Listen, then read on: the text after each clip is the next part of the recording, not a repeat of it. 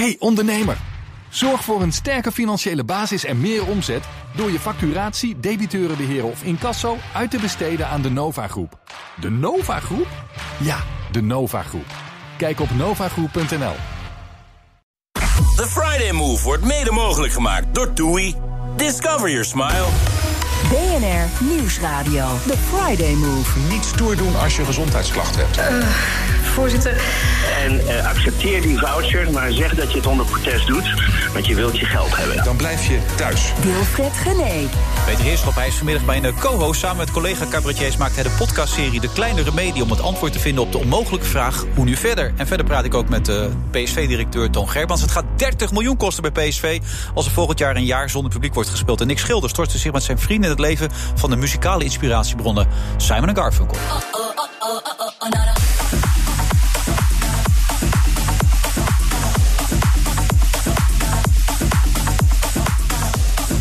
hij is er weer bij natuurlijk, onze eigen DJ, DJ Thomas Robson.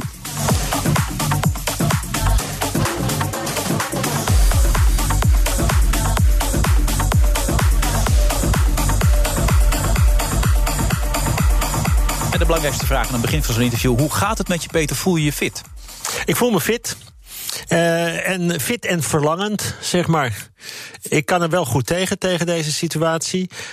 Maar ik krijg ook wel weer zin in dingen die ik heel graag deed. Ja, en, maar als dat nu nog een maand, twee maanden, vier maanden... misschien wel zes maanden gaat duren, wat gebeurt er dan met je? Ja, ik, ik, ik heb voor mezelf nu eh, voorgenomen dat, dat ik het tot eind van dit jaar zelfs kan halen. Dan red jij Mentaal. het. Mentaal. En dan denk ik dat er wel, eh, wel dan, dat, dan kan er wel iets knappen. Maar ik, nou ja, het is tot december. Kom Dan op. word jij 60 toch in december, of Ik niet? word in september al Eh, 60. september al. Ja. Is dat toch voor jou nog een barrière dan ook, een grens? Er is geen Dan? barrière. Ik had daar een goed feest in mijn gedachten. Met veel vrienden, met veel mensen. Met, eh, nou, dat gaat niet gebeuren. Nee, het is geen barrière. Maar een zoomfeest dan? Kan dat ook? Of, of kan Een dat zoom, nee. Geen zoomfeest? Nee, dat kan toch niet? Een zoomfeest. Een zoomfeest, dat iedereen thuis voor de camera met zijn dat eh, het drank zit. zijn Zoom vrijdagmiddagborrels. En dat, daar heeft, dat heeft best iets leuks dat je elkaar nog, nog ziet. Maar nee, een feest is met, een feest is met aanraken. Ja, en dat is belangrijk, aanraken. Mis je het aanraken? Ja. Wat mis je het meeste? Ook, nou, ook als mensen binnen. Het is toch zoals wij hier nu zitten, live. Dat is iets anders dan dat wij elkaar zou, zouden bellen. Je, je voelt toch iemand die in de ruimte zit. Daar, Ja. daar is iets mee en die energie neem je mee. Dus dat mis ik heel erg. Ja, er zit wel een, inmiddels een scherm tussen ook. Dat is nieuw. Dat hebben we sinds deze week. Spatschermpje ertussen. Oh ja, is dat pas Ja, sinds we deze hebben week? het pas sinds deze week. BNR had toch het idee van hier kan het niet gebeuren. Maar nu hebben ze ook een spatscherm ertussen gezet. Oké, nou, dan zit je niet ver van het mondkapje nu. Nee, die, die, die kan ze wezen. En dan krijg je natuurlijk zo'n uitzending. Ja, want dan ja. er een ander programma natuurlijk ook. Maar ik weet niet of we er nog zo leuk straks over houden. Ehm, maar ik kan me dat wel voorstellen. Want eh, ook zeker als artiest raak je mensen veel aan, neem ik aan. Toch? Je ja, bent nou, wat ik ook al zei, kijk, als je optreedt... los van het MeToo-verhaal, bedoel ik. Maar Nee, gewoon, nee, nee, nee. maar, ja. Nee, kijk, wat je, eh, als je optreedt dan, dan voor, een, voor een zaal, dat is letterlijk al die energie die hangt toch in die zaal. Dat geroezemoes, dat gedoe, je steekt elkaar aan, dat is, dat is iets heel anders dan eh, voor een webinar duizend mensen toespreken waar je eigenlijk niet de energie van voelt. Nee, Dat is echt vanavond, iets vanavond ging je naar Naaldwijk, vertel je me net. Wat ga je ik ga straks naar Naaldwijk en dat vind ik weer hartstikke leuk. De Naald is ook een heel leuk theater. En daar, eh, ja, die, die, die, die kunnen ook niet wachten. Die denken, nou, dan gaan we gewoon voor, eh, voor een lege zaal. Laten we wat mensen optreden. Dat nemen we op en dat kunnen mensen terugkijken. Ja, Het is toch heel moeilijk om voor een lege zaal te spelen, Peter. ja, dat is eigenlijk gewoon wat wij met de repetities doen. Ja. Eindeloos eh, dezelfde grap repeteren voor eh, totale leegte. Nou, dat is wat we doen. Maar nu voel ik toch wel dat we weer iets beginnen. Dit is ook wel leuk om bezig. Het zijn allemaal overbruggingen. Het is allemaal niet het nieuwe normaal. Nee. Het is de overbrugging. Het is kijken wat we nu doen. En dat, eh, wat we eigenlijk ook met de podcast hebben gedaan, hebben we opgenomen in een lege kleine komedie. De kleine remedie. In de kleine komedie. Kleine remedie. Bovenop het, eh, op het balkon een aantal columnisten, begreep Ja. ik. Ja. Paul de Munnik erbij op gitaar. Nou, op, eh, op vleugel zelfs. Op ja. vleugel? En Ook gitaar, maar ja, vooral, vooral ook op vleugel. Ja.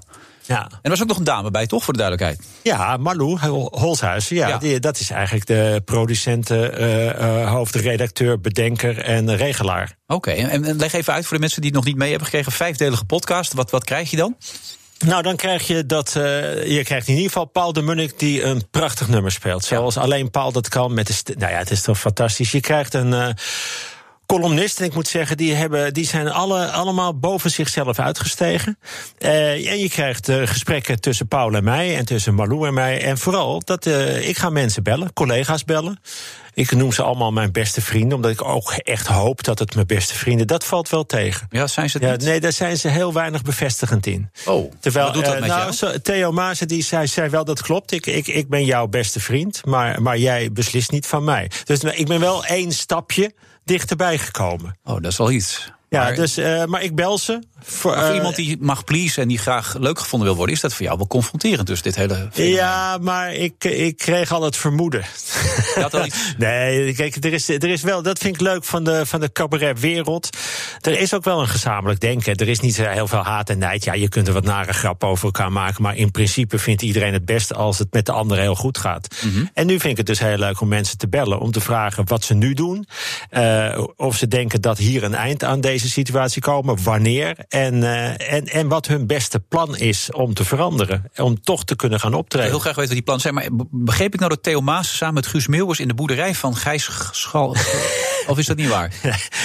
Ja, kijk, als je Gijs? Scholte van Aschat, de, de fenomenale acteur, belt, dan de, ja, dat wordt niet een, een gesprek. Hoe gaat het? Dan krijg je, dan krijg je een act. Okay. En dan krijg je een stuk Shakespeare. En dan voel je ook dat hij ergens op het platteland staat. En, uh, en, en Guus en Theo uh, aanwijzingen geeft wat er op het land moet gebeuren. Met wat. Ja, dat vind ik dan ook weer heel goed. Het, het, is, het is en realiteit en het is ook fantasie. Het is, ja, Dat ja, neemt je mee, zeg maar. Dat ja, en weet je, eh, de keren dat ik Theo Maassen bel... en uh, dan is het toch sowieso vaak... Ja, gewoon maar iets doen. Gewoon kijken waar we uitkomen. Dus als. Uh, als wij op tv ook vaak doen met Veronica zij toch ik wel. Nou ja, ja, ik begin met Theo. En de, het eerste wat hij zegt. Je moet niet alles geloven wat ze, wat ze de laatste tijd over mij hebben geschreven. En dan, ik zeg dan. Oh ja, dat artikel in, uh, in uh, Brabant Pers. Ja, precies dat bedoel. En dan weet niemand waar het. Ik weet ook niet waar het over gaat. maar langzaam voel je dat er iets komt. En dat ja. vind ik heel erg leuk. Maar het merendeel de, neemt het echt wel heel serieus op. Die zijn echt wel bezig om echt te vertellen waar ze mee bezig zijn. En die doen heel erg hun best om te bedenken wat er beter kan. Maar een van de plannen was ook om de oudste mensen als eerste te laten optreden. Omdat die de kans hebben het eerste om te vallen, toch? Of? Ja, dat was uh, Labrei. Dus Claudia. Uh, Claudia die zei: ja, waarom laten we niet uh, de, de, de, de oudere mensen. Want die gaan, die gaan het eerst dood. Ja. Dus geef die nog een kans om eerst op te treden. Die mogen als eerst het podium weer op dan, zeg maar. Ja, daarentegen. Ja. daar kwam weer van Gijs Scholten. Die zei juist: nee, jonge mensen in de zaal, jonge mensen op het podium. De, boven de 50 heeft het gehad, klaar. Stoppen. Die hebben hun ding gedaan. Die ja. hebben alles mogen doen. Uh, en zo, dat vind ik ook mooi, die twee naast elkaar. En dan ga ik eens denken, uh, wat eerst en, en bij welke groep denken ze dat ik hoor. En dan ben ik bang bij de groep die het eerst dood is. Hmm. Maar ja, dan mag ik wel optreden. Ja, maar het voelt, dat voelt niet vervelend, hè? Toch, zei je net. Nee, het is, kijk, barrière, het, het is, is allemaal geen... ook maar in het niks. Uh, het is, maar, maar soms in de raarste dingen kan er toch een, een oplossing zitten. Maar je hebt Tim Fransen, die belde ik. Nou, ik, ik ken je Tim Fransen? Ik heb laatst in uitzending gehad. Waarom ook alweer? Ja, maar Tim is een geweldige cabaretier. Hij is een filosoof ook. Hij heeft filosofie gestudeerd. En die heeft een podcast over de troost van de filosofie. Okay. En die ging daar ook een, een, echt op door. Van waar kunnen we nu het meest aan hebben? Welke filosoof moet je lezen? Waar dat... En? Uh, je moet de Stoïcijnen lezen. De Stoïcijnen? De Stoïcijnen, daar ga, uh, die gaan uit van, uh, ga uit van het ergste. Oké, okay, ja. want als het zo erg wordt, dan kun je zeggen... zie je, ik wist al dat ja. het zo erg werd. En wordt het minder erg, denk je, nou, dat valt reuze mee. Hmm. En wat was nou de belangrijkste tip, of de belangrijkste nou, zeg maar, nieuwe ideeën die eruit kwamen? Waarvan je zegt, nou, daar kunnen we wat mee. Nou, dat, dat was gaat ergens naartoe. Ja, nou, dat, de, het, uh, de grote lijn was dat het voorlopig uh, uh, niet open gaat. maar ja. um, een belangrijk idee was, maar dat is dan weer naar voor de Schouwburgen, is dat mensen erover na moeten denken. Dat, het, dat je op heel veel plekken kunt optreden. Dus je kunt ook op, op grote velden, op parkeerterreinen waar je ver uit elkaar kunt zitten over. Ja, dat is, het, dat is eigenlijk nu wat, wat eruit komt. Het merendeel zegt, we komen erdoor en we... En we, kunnen, we zijn aan het schrijven, maar, maar alles wat er nu gebeurt, dat moeten we erin meenemen. Dus wat we nu schrijven, gooien we over twee weken weg. Hmm. Dat is eigenlijk de grote lijn. Om mee bezig zijn eigenlijk. Bezig maar uh, nou, ze zijn wel, iedereen is wel goed aan het denken en uh, ze zijn veel aan het puzzelen, kwam ik achter. Gewoon uh, legpuzzels. Hmm. Dus dan, dat is ook wel een beeld. Dan zie je de alle... vol een paar keer, begreep ik ook, hè, tijdens die podcast. ik moet wel zeggen dat ik ben natuurlijk ook wel uh, emotioneel, snel. Maar als je dan weer live naast Paul de Munnik zit en die speelt dingen bijvoorbeeld van Bram Vermeulen of Maarten van Roosendaal. Dat zijn toch ook dierbare vrienden. Dat zijn nou echt vrienden geweest. En dan, uh, en dan zijn ze al lang dood. En dan mis ik ze opeens, juist in deze tijd. Dan denk je, oh ja, oh ja, dat, dat, die, die, die, die treden nooit meer op. Of zo. Ja, het is ook zoiets. Dus dat klopt, dan schiet ik. Uh, maar ik herpak me snel. Ja, maar is toch niet erg? Ik bedoel, wat jij schetst is... Volgens mij hebben heel veel mensen dat. Ik herken het zelf ook. Dat je heel veel na gaat zitten denken de laatste tijd. Over waar staan we in? Ik, ik praat met mijn nog jonge kinderen van 7 en 10 ook. Dit hebben wij nog nooit meegemaakt. En we weten ook niet precies waar het naartoe gaat, weet je wel. Nee, dat vind je dat ook niet. Ik vind het vooral voor die generatie. Voor, voor de jongste generatie. Dan, dan, nee, ik, ik hoop maar dat, dat, dat jullie alles mogen doen wat, wat, wat ik ooit mocht doen. Ja, nou bij mijn dochter hoop ik dat het voor haar twintigste niet kan. Nee. Dat het dan gewoon even nog uitgesteld wordt. ja, gewoon nog tien jaar. Nee, dan zijn we het wel eens over onze dochter. ja, dat zeker. nou, we blijven tot half zeven als het goed hier samen zitten. Uh, misschien kun je hem ietsje bijschuiven. Dat, ik kan jouw gezicht bijna niet zien. Of misschien dat jij die ja, glasplaat een beetje naar rechts... Ja, die het eh, reflecteert nee, enorm. Wilfred, je hebt een, een blauwe trui Ja, dat klopt inderdaad. we zijn er zo weer, na de AWB. Wat zou dat zijn?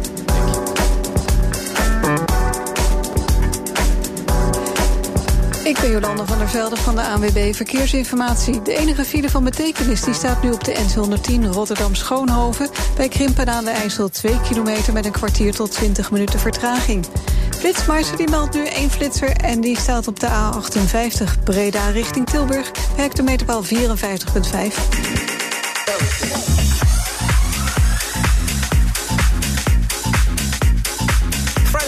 Vrijdag uh, eh, 14 mei. Ja, ik moet altijd even nadenken, want eigenlijk stappen we zo binnen allebei spontaan. Jij was op tijd, hè? Je was echt op tijd, man. Ja, ik, uh, ik vroeg, moet ik, uh, moet ik er heel vroeg zijn? Nee, zeiden ze bij de redactie. Nee, Wilfried die komt zelf om... Wilfried die komt zelf om vijf voor vier nog... en dan vraagt hij nog snel even... Maar dat viel me reuze mee. Je was er al langer, je was voorbereid, je had de bladen. Ja, tien voor vier was ik er. Goed, hè? Ik was zelf ook heel trots op mezelf. Goed, goed man. Waar denk je aan bij Nick en Simon? Wat is nou het eerste wat bij jou opkomt dan? Nou ja, ja, ik denk dan gelijk aan de bierclub. En dat komt omdat uh, in het programma Jeuk. Uh, het televisieprogramma Jeuk. Ja, dat ken ik, ja. Speelt Simon mee in, in de bierclub.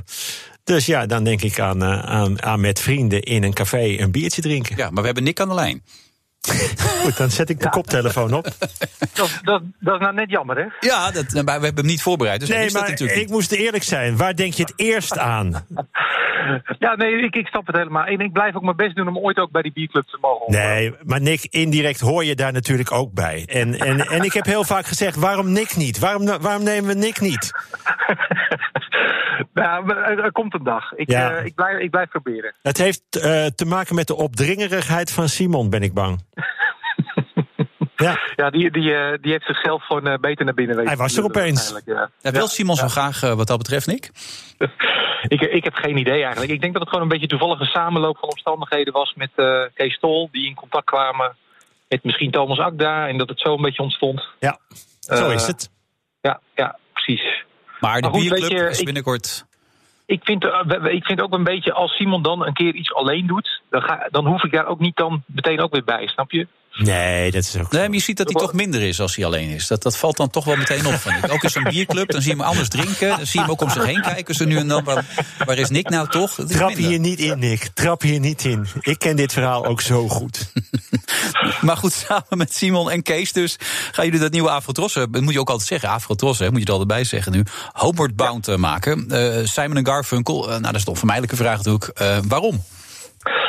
Uh, nou kijk, Simon en Garfunkel die zijn altijd een rode draad geweest door onze carrière. Het is zelfs zo dat wij uh, echt als duo zijn begonnen.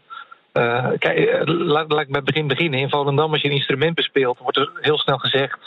ja, je moet, je, je moet een beentje bij elkaar gaan verzamelen. En ik dacht, oké, dan moeten we op zoek naar een bassist en naar een goede drummer. En, maar toen zagen we Simon en Garfunkel gewoon met één gitaar optreden. En dachten we, hé, hey, dat, dat kan dus ook. En het was ook het allereerste liedje uh, wat we samen ooit zongen in een, uh, in een kroeg. Uh, werd Cecilia gespeeld.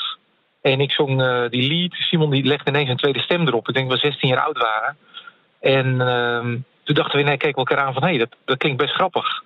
En altijd hebben we hun nummers gecoverd. We hebben hun muziek gebruikt om die samenzang fijn te slijpen. En dit jaar was het zo dat Bridge Over Troubled Water, het, het legendarische album, 50 jaar eh, bestaat. Mhm. Dus ehm, ja, dat, dat 50 jaar is een indrukwekkend jubileum. Dus we dachten, kunnen we nou niet het eh, ultieme eerbetoon brengen? En een, eh, en een documentaire maken over ze. Ja, dus naar New York toe. En wat gebeurde er allemaal? Eh, we zijn naar New York gegaan sa- samen met Kees Tol. En dat, die is onvermijdelijk. Kees doet de regie een beetje. Die houdt alles strak in de gaten. Toch? ja, klopt, klopt.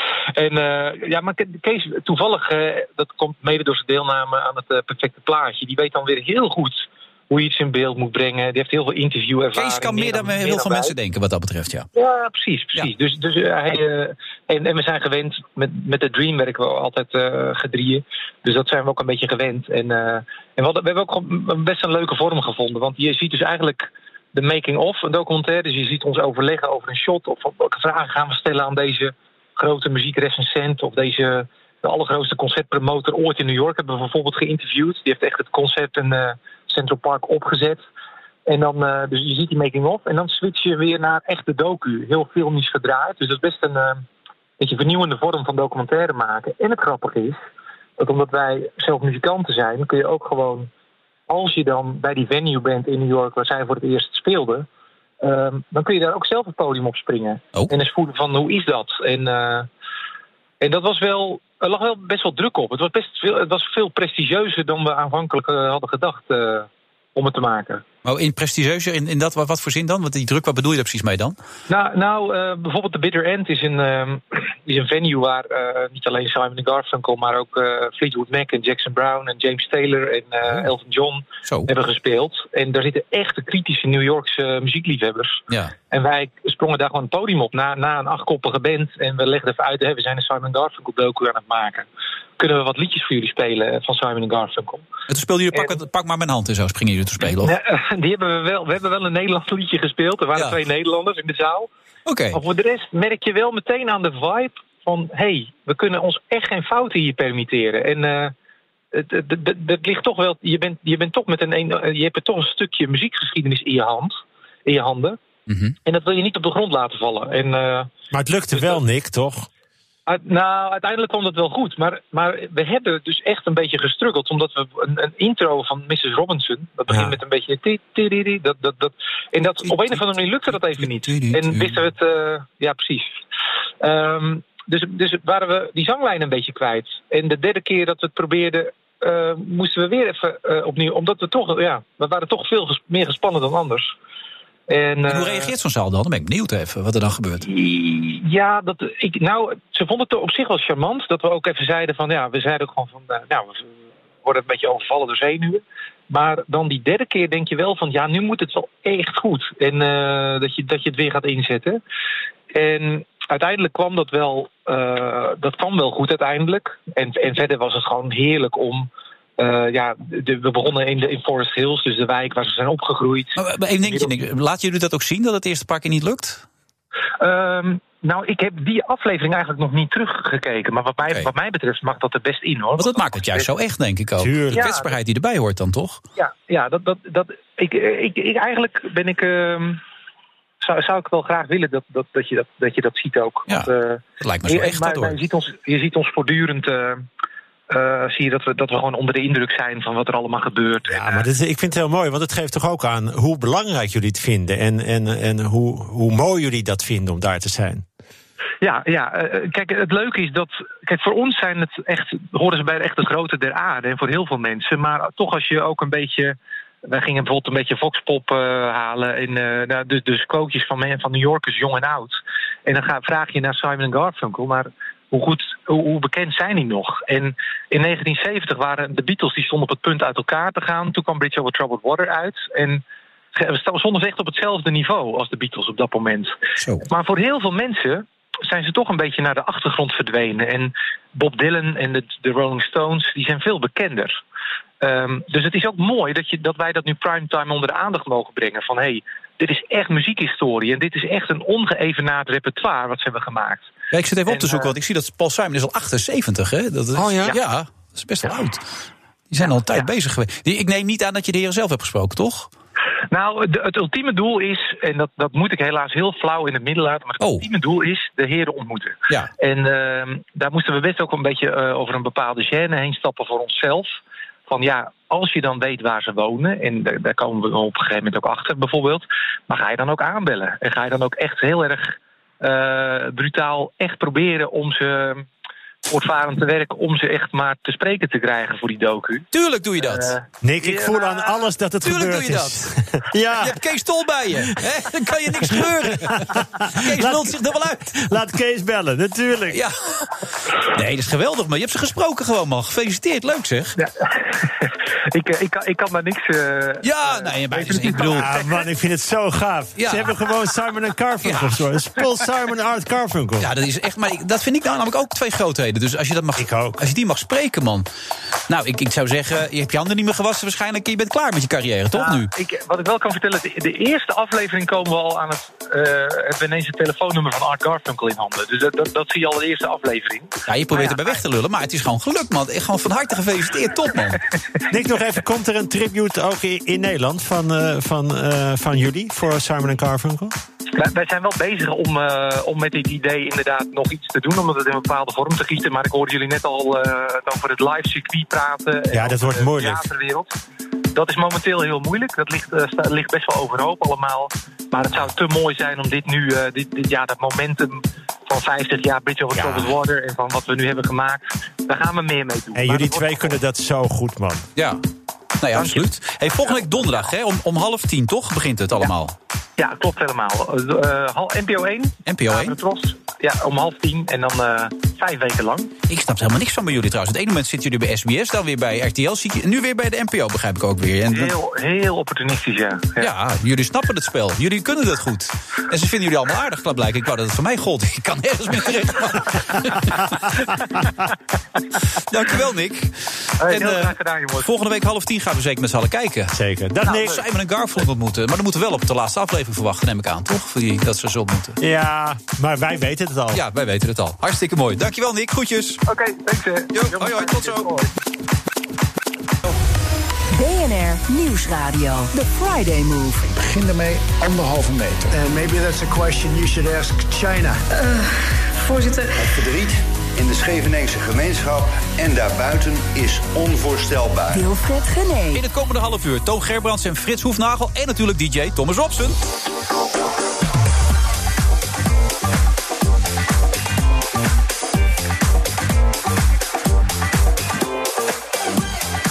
En dat allemaal op eh, 15 mei. We zitten in de studio. We is Peter Heerschop en eh, ondergetekende Wilfred Genee. Dat mag ik niet zeggen van mijn collega's bij Veronica ondergetekende. Dat schijnt geen radiotaal te zijn. Ondergetekende. Dat mag niet, nee. Dus je moet je eigen naam noemen. Maar ik vind dat zo gek om mijn eigen naam te noemen. Ja. Heb je dat ook niet een beetje? Ik vind het ze- zelfs eh, best wel heel raar. Dat, maar dat, dat klopt wat je zegt. Heel veel DJ's die doen dat. Mijn naam is... mhm. Ja. En, de- en dan, dan denk ik, ja, dat weet ik nu wel. Ja, ik ook. En dan denk ik, ja, een beetje... En de ondergetekende mag niet. Dat ondergetekende mag niet. Oké, nou. Dat is geen radiotaal. Oh. Stom, hè? Je weet dat ik me aan alle regels en afspraken hou, normaal gesproken. Dus dat, dat zou ik eigenlijk in deze ook moeten gaan doen. Ik vind het zo leuk, jij bent PSV-fan, hè? Dat, is, dat we nu net Toon Gerbrands hebben, toch? ah, Toon. Goedemiddag. Ja, oh, ben, je, ben, je, ben je niet geen PSV-fan meer? Nou, oké, ik kan heel goed tegen andere clubs. En ik vind het ook heel leuk. En ik vind het fijn om te volgen. En ik ken bij alle clubs ook wel ontzettend leuke mensen. En ik volg dat allemaal. Maar ja, ik ben Ajax-fan. Oh, oh ja? Nou, dus maar daar kan Toon ook wel tegen, hoor. Daar kan ik heel goed tegen, zeker, ja. Dat weet ik wel. Ja, het zijn altijd hele genuanceerde mensen, toch, Ajax-fans? Als ze succes hebben, zijn ze er. En als er geen succes is, hoor je ze niet, toch? Aan wie vraag je dat? Ja, aan allebei eigenlijk. Maar ja, eh, ik hou in ieder geval even mijn mond, Toon. Dus waarschijnlijk aan jou. Nee, iedere club is eigen cultuur. Laten we het daarop houden en dan kom ik het makkelijkst mee weg. in, in deze tijden, Toon, hoe gaan clubs als PSV, Feyenoord en Ajax met elkaar om eigenlijk? Ja, eigenlijk uh, beter is ooit, vind ik zelf. Het is zo dat er is al een soort noodzaak ontstaan uh, over de huidige situatie. Uh, ja, het is zo dat de ECV en de KNVB die hebben in, in mijn uh, ogen toch wat tijd verloren de afgelopen weken door ja, met hele andere scenario's bezig te zijn. Hm. En AZ en PSV waren vrij vlot uh, met van ja, het wordt moeilijk deze, deze competitie. Ja, Ajax sloot ze daar op geen keer aan. En ja, op een gegeven moment hebben we elkaar gevonden samen met, uh, met AZ. en daar hebben we gezegd, jongens, daar gaan we zelf mee vergaderen. Ja, ik hoor Feyenoord er niet bij, dus die viel een beetje weg. Ja, nee, Feyenoord ook hoor. Ja, oh, dat wel. Die, die waren er ook bij, alleen die riep als laatste de, het uitspelen van de competitie. Dat was Ajax natuurlijk via de Telegraaf. En wij hebben toen geroepen het advies van AZ en PSV was van... Uh, jongens, volgens mij wordt het niks, wees in ieder geval duidelijk. En Feyenoord als laatste bij maar die waren wel aangelijnd bij ons. Oké, okay, dus uiteindelijk was het daar Eendracht, terwijl die nog wel eens ver te zoeken was de afgelopen weken. Dus stoorde je dat? Ja, nou ja, kijk, ik zit nu uh, voor het 18e seizoen in betaald voetbal. Eén woord hoeven we daar niet te gebruiken, dat is solidariteit. Nee, dat bestaat niet. Dat, nee, dat bestaat niet. Nee, dus dat woord kunnen we schrappen in onze bedrijfstak.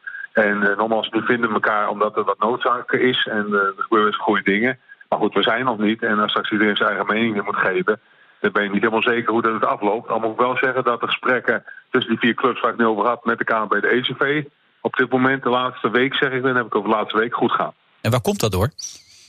De noodzaak. Het is zo dat uh, de ontkenningsfase is eruit. Uh, het is zo dat wij denken dat uh, je lang zonder publiek moet spelen. En dat betekent, ja, als, als dat een half jaar of een jaar lang gaat duren, dat de hele bedrijfstak onder druk komt. En ja, als dat soort zaken gaan gebeuren, dan heb je elkaar nodig. Dan moet je oplossingen gaan zoeken. Moet je steun hebben, moet je geen steun hebben, moet je richting de politiek. Nou, dat begint nu allemaal duidelijker te worden. Dat we onze eigen plannen moeten gaan maken. Want er is natuurlijk behoorlijk met hagel geschoten. Met allemaal ideeën die allemaal goed bedoeld waren. Maar is, het, is totaliteit geen plan waren. Nee, en nou is er afgelopen weken gesproken met de KNVB. Gisteren is ook een overleg geweest met allerlei belangenorganisaties, VVS, de FBO, de, de, de, de zaakwaarnemers. Daar is een soort afspraak uitgekomen die eigenlijk vorige week al een beetje gecreëerd is. Over eventueel loonafdracht en uh, vermindering enzovoort. Wat vind je van die, van die overeenkomst? Dit is geen overeenkomst trouwens, hij is niet afdwingbaar, zei Rob Jansen mij gisteren nog. Wat vind je van deze afspraak? Nou, het, is, dus, het is mooi dat er een richtlijn is, want anders dan is de ene club die gaat 30% hanteren, de ander 35, de ander 25, de ander niks. Dus uh, dat de VVCS en de FBO hun werk hebben gedaan, een duidelijke richtlijn, dat, dat is prima. maar het betekent inderdaad, je zegt dat je met die individuele leiderschapsgroep of aanvoerdersgroep nog moet praten, om te kijken hoe, hoe je dat vorm gaat geven. En ja, dat is links en rechts ook weer een klein beetje verschillend. Voor sommigen die vonden het echt te weinig. Dus als je bij, bij, bij clubs zat die wat mindere salarissen hadden, dan is het voordeel niet zo heel groot. En bij hele grote clubs, uh, ja, dan zijn de grootverdieners weer die dan roepen van, uh, ja, het is wel heel veel wat, wat er moet gebeuren. Want ja, er zit ook een behoorlijk verschil bijvoorbeeld tussen het salarisverhoog van PSV en Ajax. Ja. Dus, uh, dus daar zie je ook het eerste bericht al van verschijnen. Want ik bedoel, de best, be, de best verdienende speler, die moet 20% van zijn salaris afstaan? Ja, het is een beetje een soort belastingstafel die er gemaakt is. Dus de eerste betaal je wel relatief weinig en later wat meer. Als je het uitrekent voor iemand die, nou laat ik zo zeggen, 6 ton verdient of zo, is het uh, 12, 13, 14 procent ongeveer. Maar, maar, boven de 7 ton moet je 20 procent inleveren. Ja, de spelers als Daily Blind, die, die moeten dus dan uh, het maximum inleveren.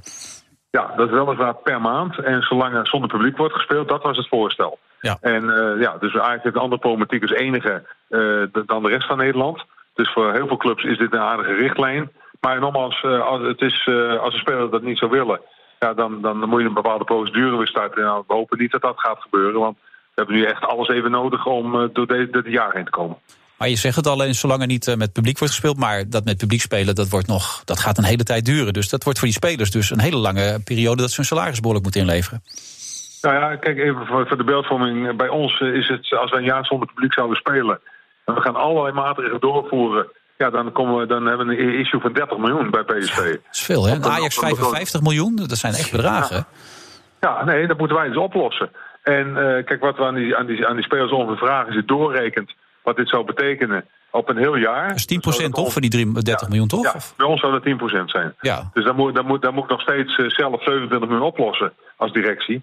Dus, uh, maar wij willen het met elkaar doen. We vragen wat aan supporters, we vragen wat aan de overheid, we vragen wat aan de sponsoren. Dat, dat, is wel een belangrijke vraag. Hoeveel vraag, want jij hebt zelf ook 20% van je salaris ingeleverd, maar hoeveel vraag je er precies aan de overheid? Er worden bedragen van 300, 400 miljoen genoemd. Ik heb van de week een aantal mensen binnen de KNVB gesproken. Dat zou ook de helft kunnen zijn om de bedrijfstak al een heel eind op weg te kunnen helpen, toch?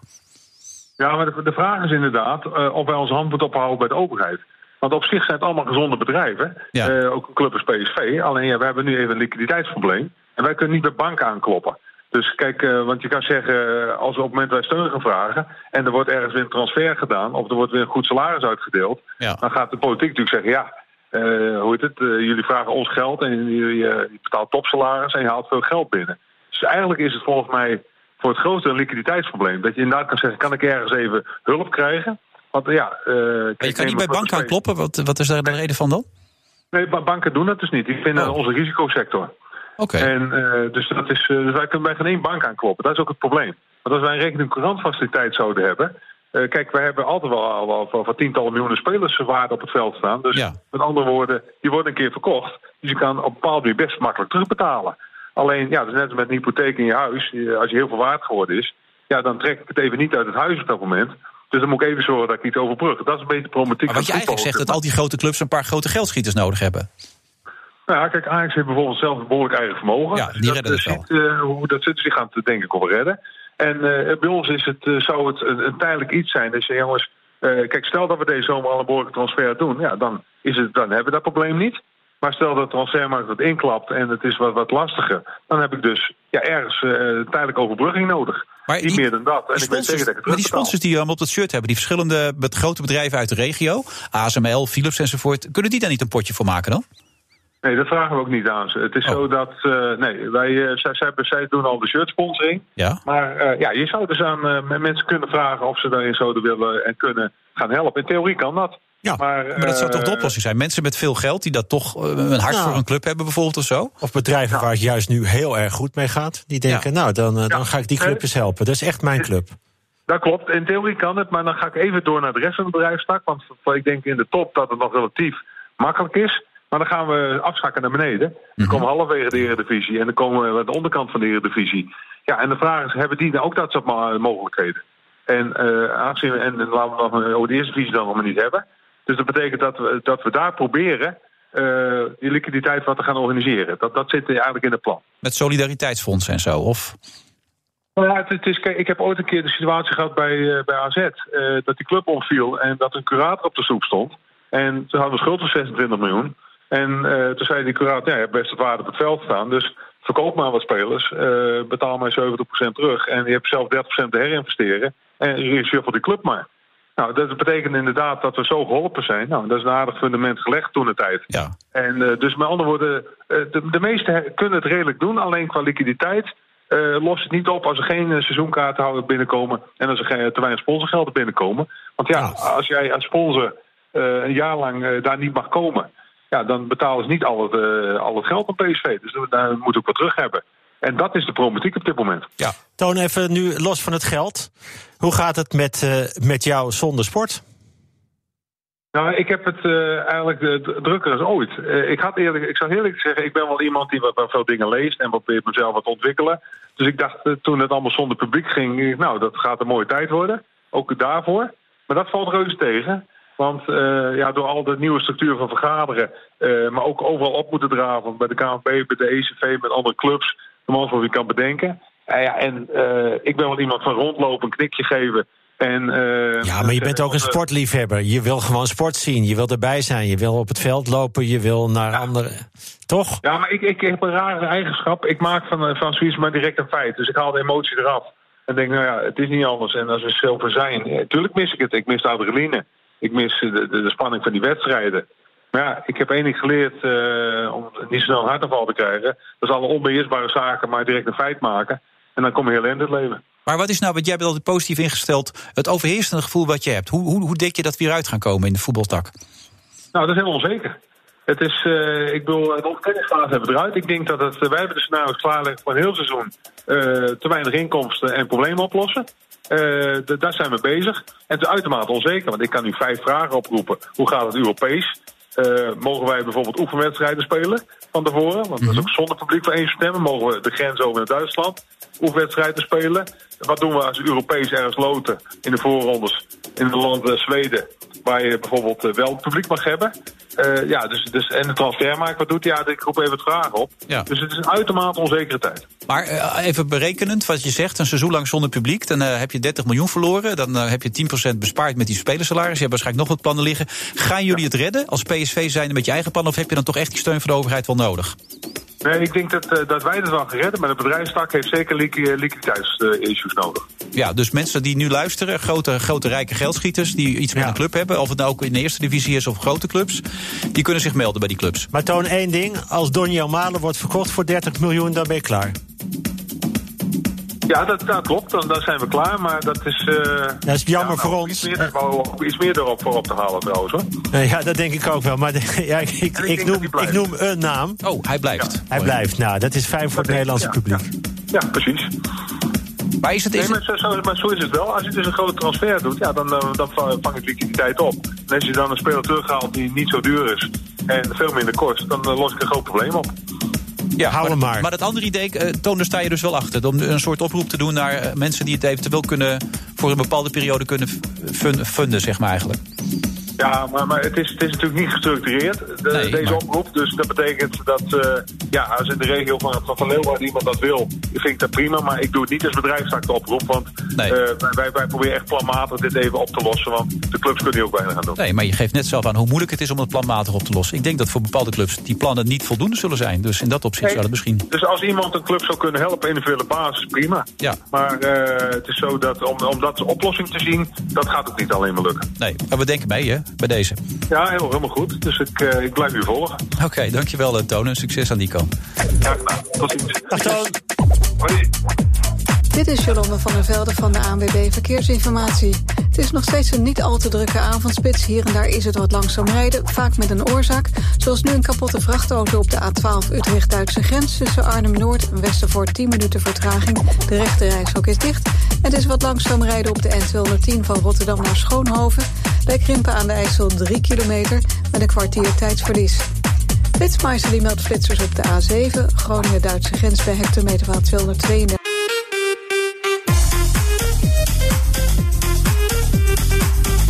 Friday Move vrijdag eh, 15 mei in het jaar 2020. Een, eh, een jaar dat we nooit zullen vergeten. Dat mag je geruststellen. Toch? Ja, dit ga je niet vergeten. Nee, dit is echt... eh, ja, memorabel is een beetje een raar woord om Ja. voor te gebruiken. Maar dit vindt de ondergetekende ook. Ja, ja, en jij bent dan Peter en dan ben ik ondergetekend Wilfred. Heel goed. Ik heb trouwens net, we hebben een hele goede eindredactrice, die komt zojuist binnen. Die vertelt dat ook een hond nu met coronabesmetting is ontdekt in Nederland. Dus dat kan ook. Best wel triest ook. Hij is ingeslapen uiteindelijk, omdat de ademhalingsproblemen bij medikanten steeds erger werden. Een achtjarige bulldog. Apart hè, dat dat ook kan allemaal. Ja. Zit je niet heel verbaasd te kijken hierover. Ik had het al van katten gehoord, maar... En ik had laatst uh, Ankie Verguns van de lijn. Toen vroegen we ons af of het ook met paarden kon. En zij dacht van niet, maar dat valt ook niet uit te sluiten. Nee, dan, natuurlijk. als een hond kan, dan kan ja, want laatst hadden we een huisarts die zei dat het absoluut wel kon. Dus, nou. Raar, hè? ja. Nou, het heeft ook te maken, als ik al die verhalen mag geloven, ook met hoe intensief de veeteelt uh, en dieren in de korte omgeving van mensen zijn. Hè. Hoe, hoe hoger de intensiteit ervan, hoe groter de kans op uitbraak van dit soort uh, virussen enzovoort. Ja, en aan de andere kant is het ook niet raar, want het komt van dieren. Ja. Op mensen, dan kan het waarschijnlijk ook terug. Ja, maar het verhaal wil dat we misschien wel te dicht op elkaar zitten. Dat we Ja. te intensief bezig zijn. Ja, dat geloof ik. Dat zou heel goed kunnen. Uh, had je al dit weekend, uh, morgenavond, had je gekeken of niet?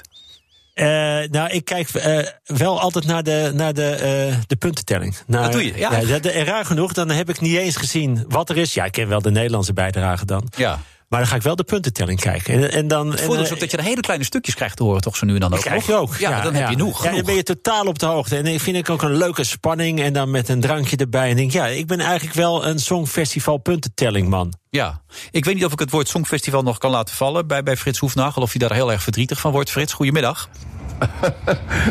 nou ja, mijn hart huilt al de hele week, jongens. Ja. Dat is natuurlijk Ja, vreselijk. Frits. Maar uh, Ach. ja, Peter, ja, Ach, ja. Frits. Maar ja, het is, het, is, het is toch wel een leuke week. En dat komt omdat onder andere in de media daar zoveel aandacht aan wordt uh, besteed. Jullie uh, waren vast al druk met het voorbereiden van het programma. Maar vanmiddag werd nog het Eurovisie Songfestival van 1980 uitgezonden.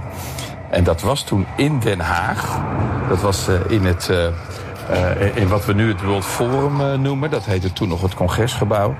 En dat, toen deed Maggie McNeil mee met het nummer Amsterdam. Amsterdam. Jazeker, Ja. jazeker. En, en Marloes Fluitsma die presenteerde het.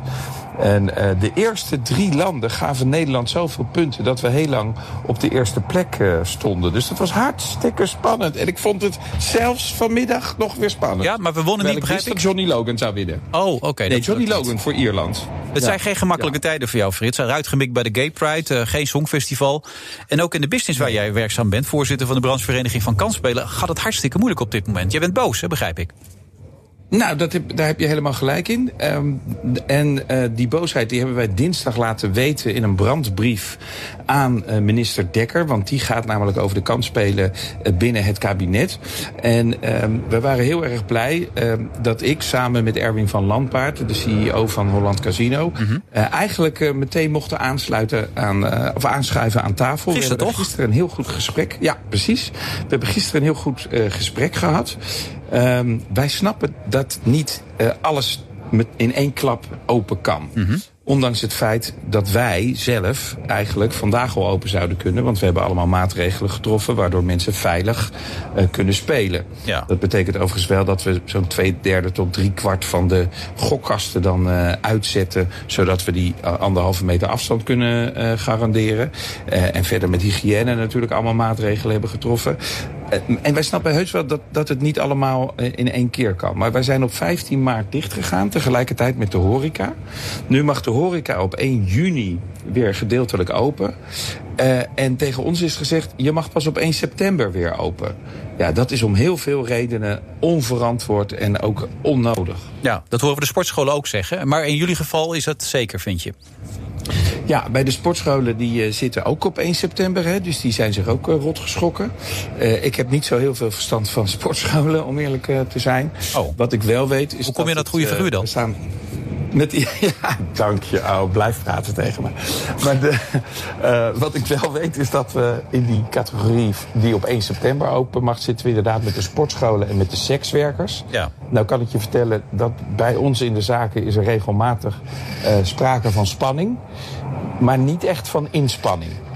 Uh, en dat is in ieder geval wel een groot uh, verschil. Bovendien zien we, en dat is echt wel zorgelijk, dat er heel veel illegaal aanbod is.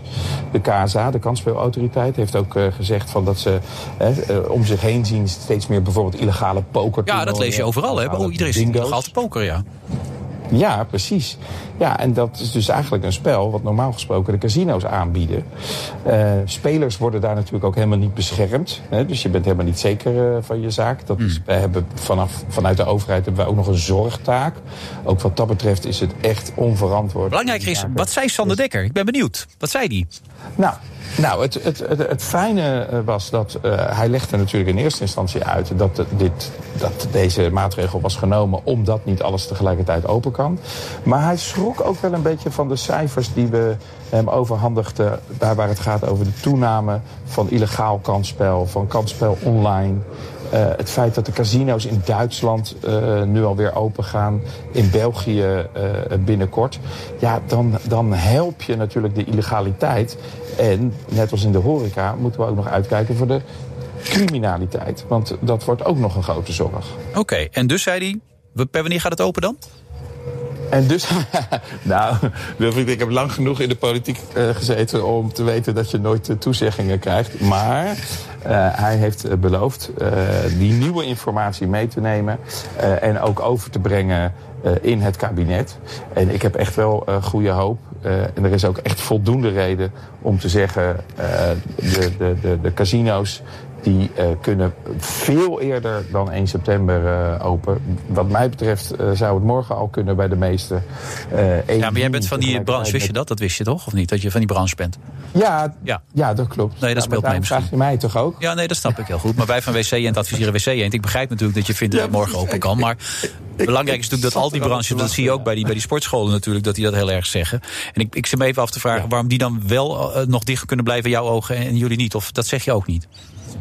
Nee, dat zeg ik helemaal niet. Maar ik ga niet over de sportscholen. En nogmaals, ik weet ook niet zo heel veel van de sportscholen.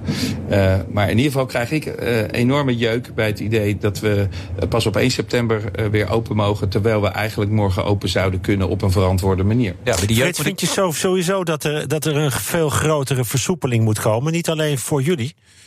Zo, dat, dat proef ik nou, een beetje uit jouw woorden. Welk station is hij nu? Nou, ik snap wel. Ja, ik Welk station nu, ben je nu? Ik ben nu ik ben uh, op mijn, in mijn geboortestad Leiden. Ja, oké. Okay, Heb je een mondkapje? Ja, nee, dat hoeft nog niet. Hè. Dat is per 1 juni. Oh, In het openbaar Dat is toch ook heel raar. Over twee Ja. weken moet het opeens wel. En nu kan je gewoon... En nu kan je er Ja. gewoon iedereen besmetten. Nou ja, goed. Succes ermee. Maar wat je zegt, Volgens, je- de vraag, is het idee daarachter dat het dan veel drukker wordt in het Oh, Oké, dit de vraag van Peter was dan ook, in het kader van drukker worden... moet er niet veel meer open in jouw Ja. ogen, toch? Nou, ik vind dat het heel erg logisch is dat dat op een verantwoorde manier gebeurt. Ik moet zeggen dat, kijk, ik ben ook geen viroloog. En ik zou ook niet heel graag in de schoenen willen staan van iedereen die nu in het kabinet moet bepalen wat kan wel en wat kan niet. Maar ik denk dat er in ieder geval, hè, er is ons gevraagd, eigenlijk aan alle branches, om protocollen op te stellen. eh, en daarmee duidelijk te maken of je en hoe je op een verantwoorde manier open kan. Wij hebben daar als kansspeelbranche aan eh, voldaan. En dan denk ik, dan moet je daar ook wel eh, gehoor aan eh, geven. Ja. En als er 80.000 horecabedrijven gedeeltelijk open ma- eh, mogen, dan denk ik dat die nog geen 300 vestigingen waar kansspelen worden aangeboden, dat, dat die dan toch ook gewoon. En, hè, dan, en daarbovenop nog eens een keer de sociale taak van dat we ook nog een, een zorgtaak hebben daar waar het gaat, omdat kansspelen natuurlijk voor sommige mensen ook nog wel eens gevaarlijk is. Maar ehm, de, de, de overheid levert, dat levert ook geld op voor al dat gokken voor de overheid. Nou, dat is natuurlijk ook een raar argument, maar dat heb ik dan meer als liberaal. Waarom zou je nou een branche gaan steunen met heel veel geld om ze overeind eh, te houden, terwijl eh, dat geld ook eh, aan andere branches kan eh, worden besteed die dat veel harder nodig hebben, Eh, en, en terwijl deze branche gewoon voor een deel al zelfs zijn broek op kan houden. Ja. Dus ja, dat is, dat is allemaal onbegrijpelijk. Dus, En de- wat zei Sander Dekker eh, daarop? nou, dat, hij gaat wat allemaal. eh, Oh, hij gaat het allemaal meenemen. Hij- Ja. ja. Ja, ja, je weet hoe dat gaat. Ik spreek het gaat niet open voor 1 september, hoor spreek, ik al. nee, ik spreek hem zo. Ik, ik probeer het af te tikken voor je. Hè? Wat, wat, was er voor Oh, jou nou, eh, wat is voor jou de ideale datum? Nou ja, de ideale datum is eh, morgen. Oké, maar eh, in juni zou ook al heel mooi zijn. Oké, Tegelijk 16 met de mei. Oké, zet er gelijk even in. En jij hebt je helemaal rot gelachen natuurlijk dat die Gay Pride niet doorgaat, hè? Eh, nou, dat is buitengewoon eh, treurig. Maar voor sommige mensen vind ik het niet zo erg, nee. Nee, dat vermoeden had ik al. Dankjewel, dankjewel Frits. Oké, Veel plezier in Leiden. dag Frits. Doei doei. Friday Move wordt mede mogelijk gemaakt door TUI. Discover your smile. BNR Nieuwsradio. The Friday Move. Niet stoer doen als je gezondheidsklachten hebt. Voorzitter, En eh, accepteer die voucher, maar zeg dat je het onder protest doet. Want je wilt je geld hebben. Dan blijf je thuis. Wilfred Gené. Is Peter Heerschop nog steeds minister van Enthousiasme? Hij gaat het ons zo vertellen, want hij is tot half zeven onze co-host. En we spreken ook het laatste nieuws uit Politiek Den Haag... met minister Sander Dekker van de Rechtsbescherming.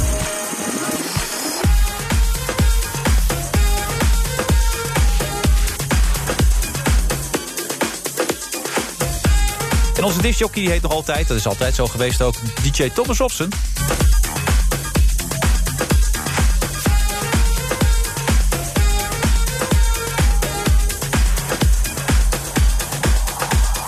Het is trouwens de zelfbenoemde minister van Enthousiasme. Ja, tuurlijk. Ja. Het is geen eh, Officiële. officiële. die- Ik sluit niet aan daar. Nee. Nee. Maar het zou wel in deze tijd een titel kunnen zijn en een functie die echt heel goed van pas zou komen. Ja, dat denk ik ook. En ik denk dat ik daar ook wel een, een, een rol kan spelen. Dus ja, de- de- de- er ligt een aanbod. Bij deze, een open sollicitatie, zeg maar. Ja, ik wil daar graag aansluiten regelmatig. Oké. We hebben de minister Sander Dekker, als het goed is, aan de lijn van Rechtsbescherming. Dag meneer Dekker. Goedemiddag, hi. Wat, wat- wat vindt u van dit voorstel om er gelijk nog een minister van Enthousiasme bij te gooien? Eh, enthousiasme kunnen we zeker gebruiken in deze ingewikkelde tijden. Ik Ja, zie dat overigens ook eh, op heel veel plekken terug. Hoe dan? Nou ja, gewoon mensen die zich eh, er enthousiast doorheen slaan. Hè. De bedrijven die nieuwe dingen verzinnen. Eh, sportclubs die eh, in de buitenruimte dingen voor kinderen aan het organiseren zijn. Ja. Scholen die zich inzetten om digitaal onderwijs te verzorgen. Dus, Maar ik zie ook heel veel mensen in paniek ondertussen. is. Die zie ik ook. Namelijk de sportscholen, die zie ik heel erg in paniek zijn. En ik had zojuist Frits Hoefnagel aan de lijn, die u gisteren nog gesproken heeft. Ook een man in paniek. Dus lang niet iedereen heeft dat enthousiasme. Nee, nee, nee en het, het, is ook niet makkelijk. Maar eh, het fijne is dat naast een crisis die een hoop ellende veroorzaakt, er toch ook weer hele mooie dingen gebeuren. En ik ook, ook wel op, op plekken enthousiasme zie en gewoon mensen die juist nu een tandje bijschakelen. Ja, nee, ik vind het mooi dat u dat zegt. Glas half vol is beter dan het glas half leeg zien natuurlijk. Maar de mensen die in de problemen zitten... want eh, ik sprak dus net Fris Hoefnagel, die zei het liefst morgen. U heeft gezegd, nou, ik heb het toch wel even goed aangehoord. Er zijn toch wel meer problemen dan u dacht. Ehm, problemen als zijn illegaliteit, waar veel gegokt wordt... Uh, pokerspellen, Duitsland en België, waar het straks gaat komen... criminaliteit. Uh, hoe serieus is de kans dat het eerder zou kunnen? Het openen van bijvoorbeeld de casino's in Nederland? Ja, kijk, ik, ik ga daar geen valse belofte of valse hoop nu wekken. Het, ingewikkelde is dat we kunnen niet alles in één keer aan, aanzetten. Dus het zal echt voorzichtig moeten, stap voor stap. Omdat uh, ja, hoe meer je, hoe meer je zeg maar, toelaat, hoe meer, hoe meer je zeg maar, open doet, uh, horeca, scholen, bedrijven, hoe drukker het ook gewoon op straat wordt. Dus ook de druk op het openbaar vervoer, druk op de weg, druk op de publieke ruimte zorgt ervoor dat het gewoon lastiger wordt om afstand te houden. En daarmee neemt de kans op besmetting toe. Ja, maar het feit dat zij, althans dat zeggen ze zelf, alles hebben zo ingericht dat het echt perfect zou kunnen werken, dat, dat is nou geen criterium om mee te nemen? Jawel, dat is een van de criteria die we natuurlijk ook meewegen. Maar het is ook de optelsom der dingen. Er zijn heel veel uh, organisaties die zeggen, nou, ik kan het intern best goed regelen.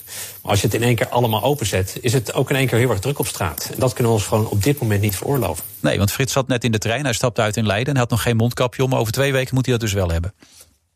Ja. Ja, gek idee eigenlijk als je het zo bedenkt. Dat hij nog niet in diezelfde trein zit. Ja, maar ook daar zal je zien dat het steeds drukker wordt in die trein. Uh, als uh, straks de terrassen weer open uh, kunnen, als mensen weer ergens kunnen gaan eten, ergens een wijntje kunnen gaan drinken, als je weer naar de bioscoop kunt. Ja. wij zeggen steeds, pak de fiets, doe zoveel mogelijk met, met eigen vervoer. Maar je zal ook zien dat een deel daarvan in het OV gaat rijden. Ja, u pakt veel de fiets, begrijp ik? Vanuit Scheveningen? Ik pak ik pak uh, soms de fiets en soms ga ik in de auto zitten, omdat ik ook grote koffers met een hoop werk bij me heb. Ja. Um, maar ik zie wel dat het in het openbaar vervoer gewoon ingewikkeld is. Hè. Ze gaan straks weer 100% rijden. Moet je voorstellen, daar kan maar 40% van de capaciteit in. Ja, en dus, dus 60% valt gewoon in één keer weg. En, en daar moeten we echt rekening mee houden. Ja, absoluut. Uh, Sophie van Leeuwen staat als het goed is voor ons in Den Haag. Sophie, goedemiddag. Hey, dag Wilfred. Dag Sophie. Uh, wat is het laatste nieuws uit de ministerraad? Nou ja, we hadden natuurlijk die, uh, die corona-bulldog. Die is inmiddels overleden. Ja, dat vertelden we zo goed, juist. Dat ja. was een, ja, een nieuwtje van uh, minister Schouten. En verder vindt onze premier Rutte dat we straks toch wel ontslagen mogen worden uh, na 1 juni. Het ging in de persconferentie over dat tweede noodpakket dat ja. er aankomt. Bedrijven die kunnen dan uh, gewoon steun krijgen. Dat is die NOW-loondoorbetaling. Ook al ontslaan ze hun personeel. Want hè, ze moeten natuurlijk ook overeind blijven. Dat is het voorstel. Uh, die ontslagboete wordt waarschijnlijk geschrapt. Nou, Rutte heeft dat vol verve verdedigd net in de persconferentie. Terwijl er natuurlijk ook heel veel kritiek is. En ook van de vakbonden. De polder was heel verenigd tot nu toe in de crisis bij die aanpak. Maar nu liggen ze toch traditioneel weer een beetje met elkaar overhoop. En ja, Rutte hield zijn poot stijf. En die zegt, we moeten toch eerst die werkgelegenheid, die banen behouden.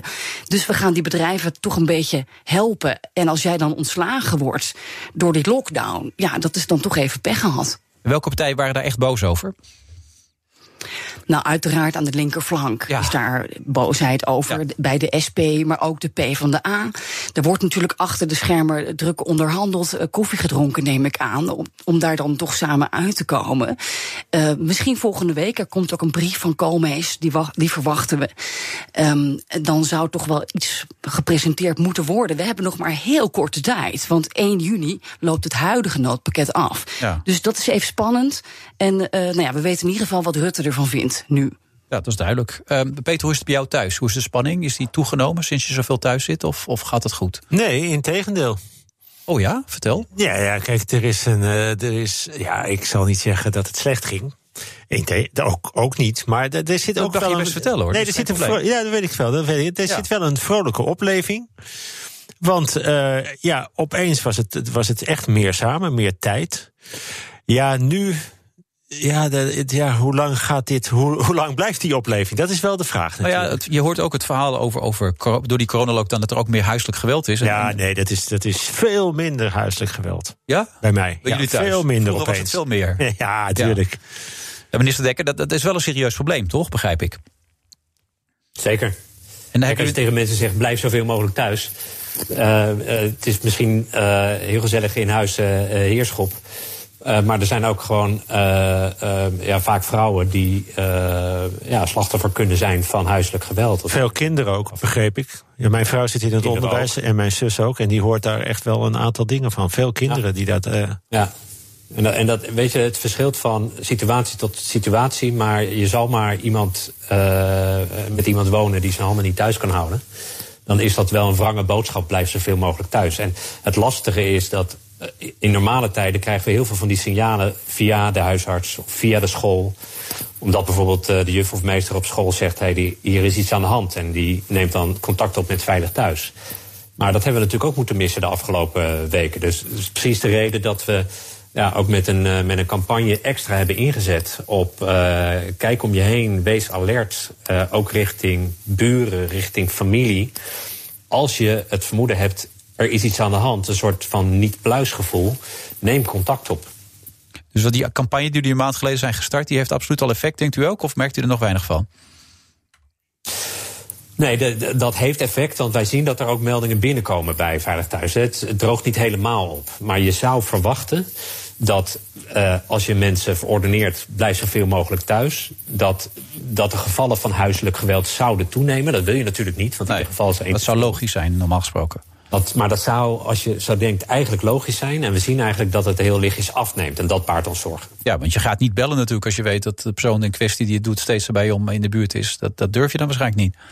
Dat kan een van de redenen zijn. Sowieso voor slachtoffers is er altijd een enorme hoge drempel om zelf te melden. Daarom helpt het als er mensen om je heen zijn. Uh, en dat is ook een van de redenen dat we hebben gezegd: ja, je moet ook het zo laagdrempelig mogelijk maken hmm. voor, uh, uh, ja, voor vrouwen bijvoorbeeld om aan de bel te trekken. Vandaar ook dat we apotheken hebben ingeschakeld, dat je daar naartoe kan. Die hebben ook weer een meldplicht. Maar die hebben een nou, codewoord. Je moet een codewoord gebruiken, toch? Bij de apotheek, begrijp ik. Ja. Ja, dat is een van de dingen die we uh, geleend hebben van landen om ons heen, uit, uit Frankrijk, die we nu ook in Nederland hebben geïntroduceerd. Het codewoord is masker 19. Wat is de gedachte daarachter? Ja, dat is een willekeurig woord. Ik weet ook niet precies waar dat vandaan oh, okay. komt. Maar daar zullen de experts vast ja. een idee over.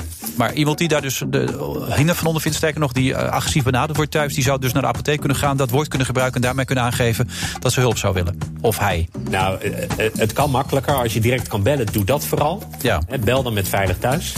Of als acuut is, bel onmiddellijk met de politie, 112.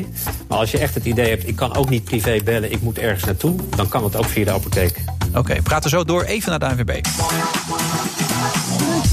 Het is momenteel langzaam rijden op de A4 Den Haag-Amsterdam. Tussen Knopen de Hoek en de Schipholtunnel, daar heb je zo'n 10 minuten vertraging. Daar staat een vrachtwagen met een klapband. Drie rijstroken zijn er dicht. Een auto met aanhanger is geschaard op de A73 Nijmegen richting Maasbracht. De weg is dicht tussen Beuningen en Nijmegen-Dukenburg. De vertraging is daar zo'n 20 minuten. Je kan er alleen maar via de vluchtstrook langs. En het is langzaam rijden op de N210 Rotterdam-Schoonhoven. Bij Krimpen aan de IJssel dik een kwartier op onthoud. Flitsmeister belt nu één flitser op de A12 Utrecht-Den Haag... bij hectometerpaal 50.8. Friday Move, vrijdag 15 eh, mei. We zitten gewoon samen in de studio, Peter Heerschop en ik. Maar er zitten veel mensen op locatie waar we mee kunnen praten. Onder andere minister Sander Dekker van Rechtsbescherming... en ook Sophie van Leeuwen. Sophie, ik zag vanochtend in de peiling dat uh, de VVD staat op 43 zetels. Dat heeft natuurlijk zeker ook met minister-president uh, Mark Rutte te maken. In hoeverre is dat ook de verdienste van Sander Dekker, vind jij? Nou, ik denk dat het wel de verdienste is vooral van ja, Mark Rutte... die daar uh, elke week voor 7, 8 miljoen kijkers uh, staat te preken... Hè, hoe wij ons moeten gedragen. Mm -hmm. ja, sorry voor Sander Dekker, die is helaas wat minder zichtbaar. Maar goed, misschien dat deze uitzending daarbij gaat helpen. Maar 43 zetels, ik zat even op te zoeken... dat is dus uh, en nog meer dan de uitslag van 2012. Dat is echt historisch hoog ja. voor de VVD. Ja, maar het is dus, een peiling, hè, voor de duidelijkheid. Het is nog niet de verkiezingen. Ja, het is een peiling. En het is natuurlijk ook zo dat op de afgelopen twee maanden de Tweede Kamer eigenlijk buitenspel stond. Die was ongeveer op slot. Dus ja, wij met z'n allen die tv aanzetten en kijken. Natuurlijk ook naar Hugo de Jonge. Die doet het ook wel wat beter. Uh, 82% van de Nederlanders weet nu wie Hugo de Jonge is. En niet dus, vanwege nou, zijn schoenen, maar vanwege zijn beleid, begrijp ik. Nou ja, vanwege dat hij ook natuurlijk steeds in, hè, uh, in die persconferenties naast Rutte staat, in beeld, in de picture. Ja. En, uh, en, en vertelt hoe het gaat met coronaland. Maar goed, dus misschien dat hij dan ja, voor zijn lijsttrekkersverkiezingen uh, bij het CDA, dat hij daar Wopke Hoekstra natuurlijk van de troon gaat stoten. Ja, meneer, minister Dekker, u wordt zojuist genoemd als iemand die niet zo heel veel in beeld komt. U wordt vaak genoemd als er iets mis is met een TBS. En nu is er weer eentje ontsnapt. Hendrik M. uit een kliniek in Assen. Uh, is er al iets meer over bekend waar die is en wat er met hem aan de hand is? Nou, de politie is naar hem op zoek, maar hij is niet ontsnapt uit een TBS-kliniek. Uh, deze meneer, uh, uh, zijn TBS was beëindigd, maar onder voorwaarden. En een van de voorwaarden was dat hij zich vrijwillig moest laten behandelen in een, uh, in een, in een andere kliniek. En ja, daar is hij op een gegeven moment niet naar, naar teruggegaan. En dat is de reden dat, dat er gezegd is, ja, dat is niet de bedoeling. En de politie is naar hem op zoek. Maar hij heeft geen elektrische enkelband om, begrijp ik toch? Nee, nee, dat zeker niet. Nee. maar hij moet wel zo snel mogelijk weer in de krijg worden gevat. Maar is hij gevaarlijk?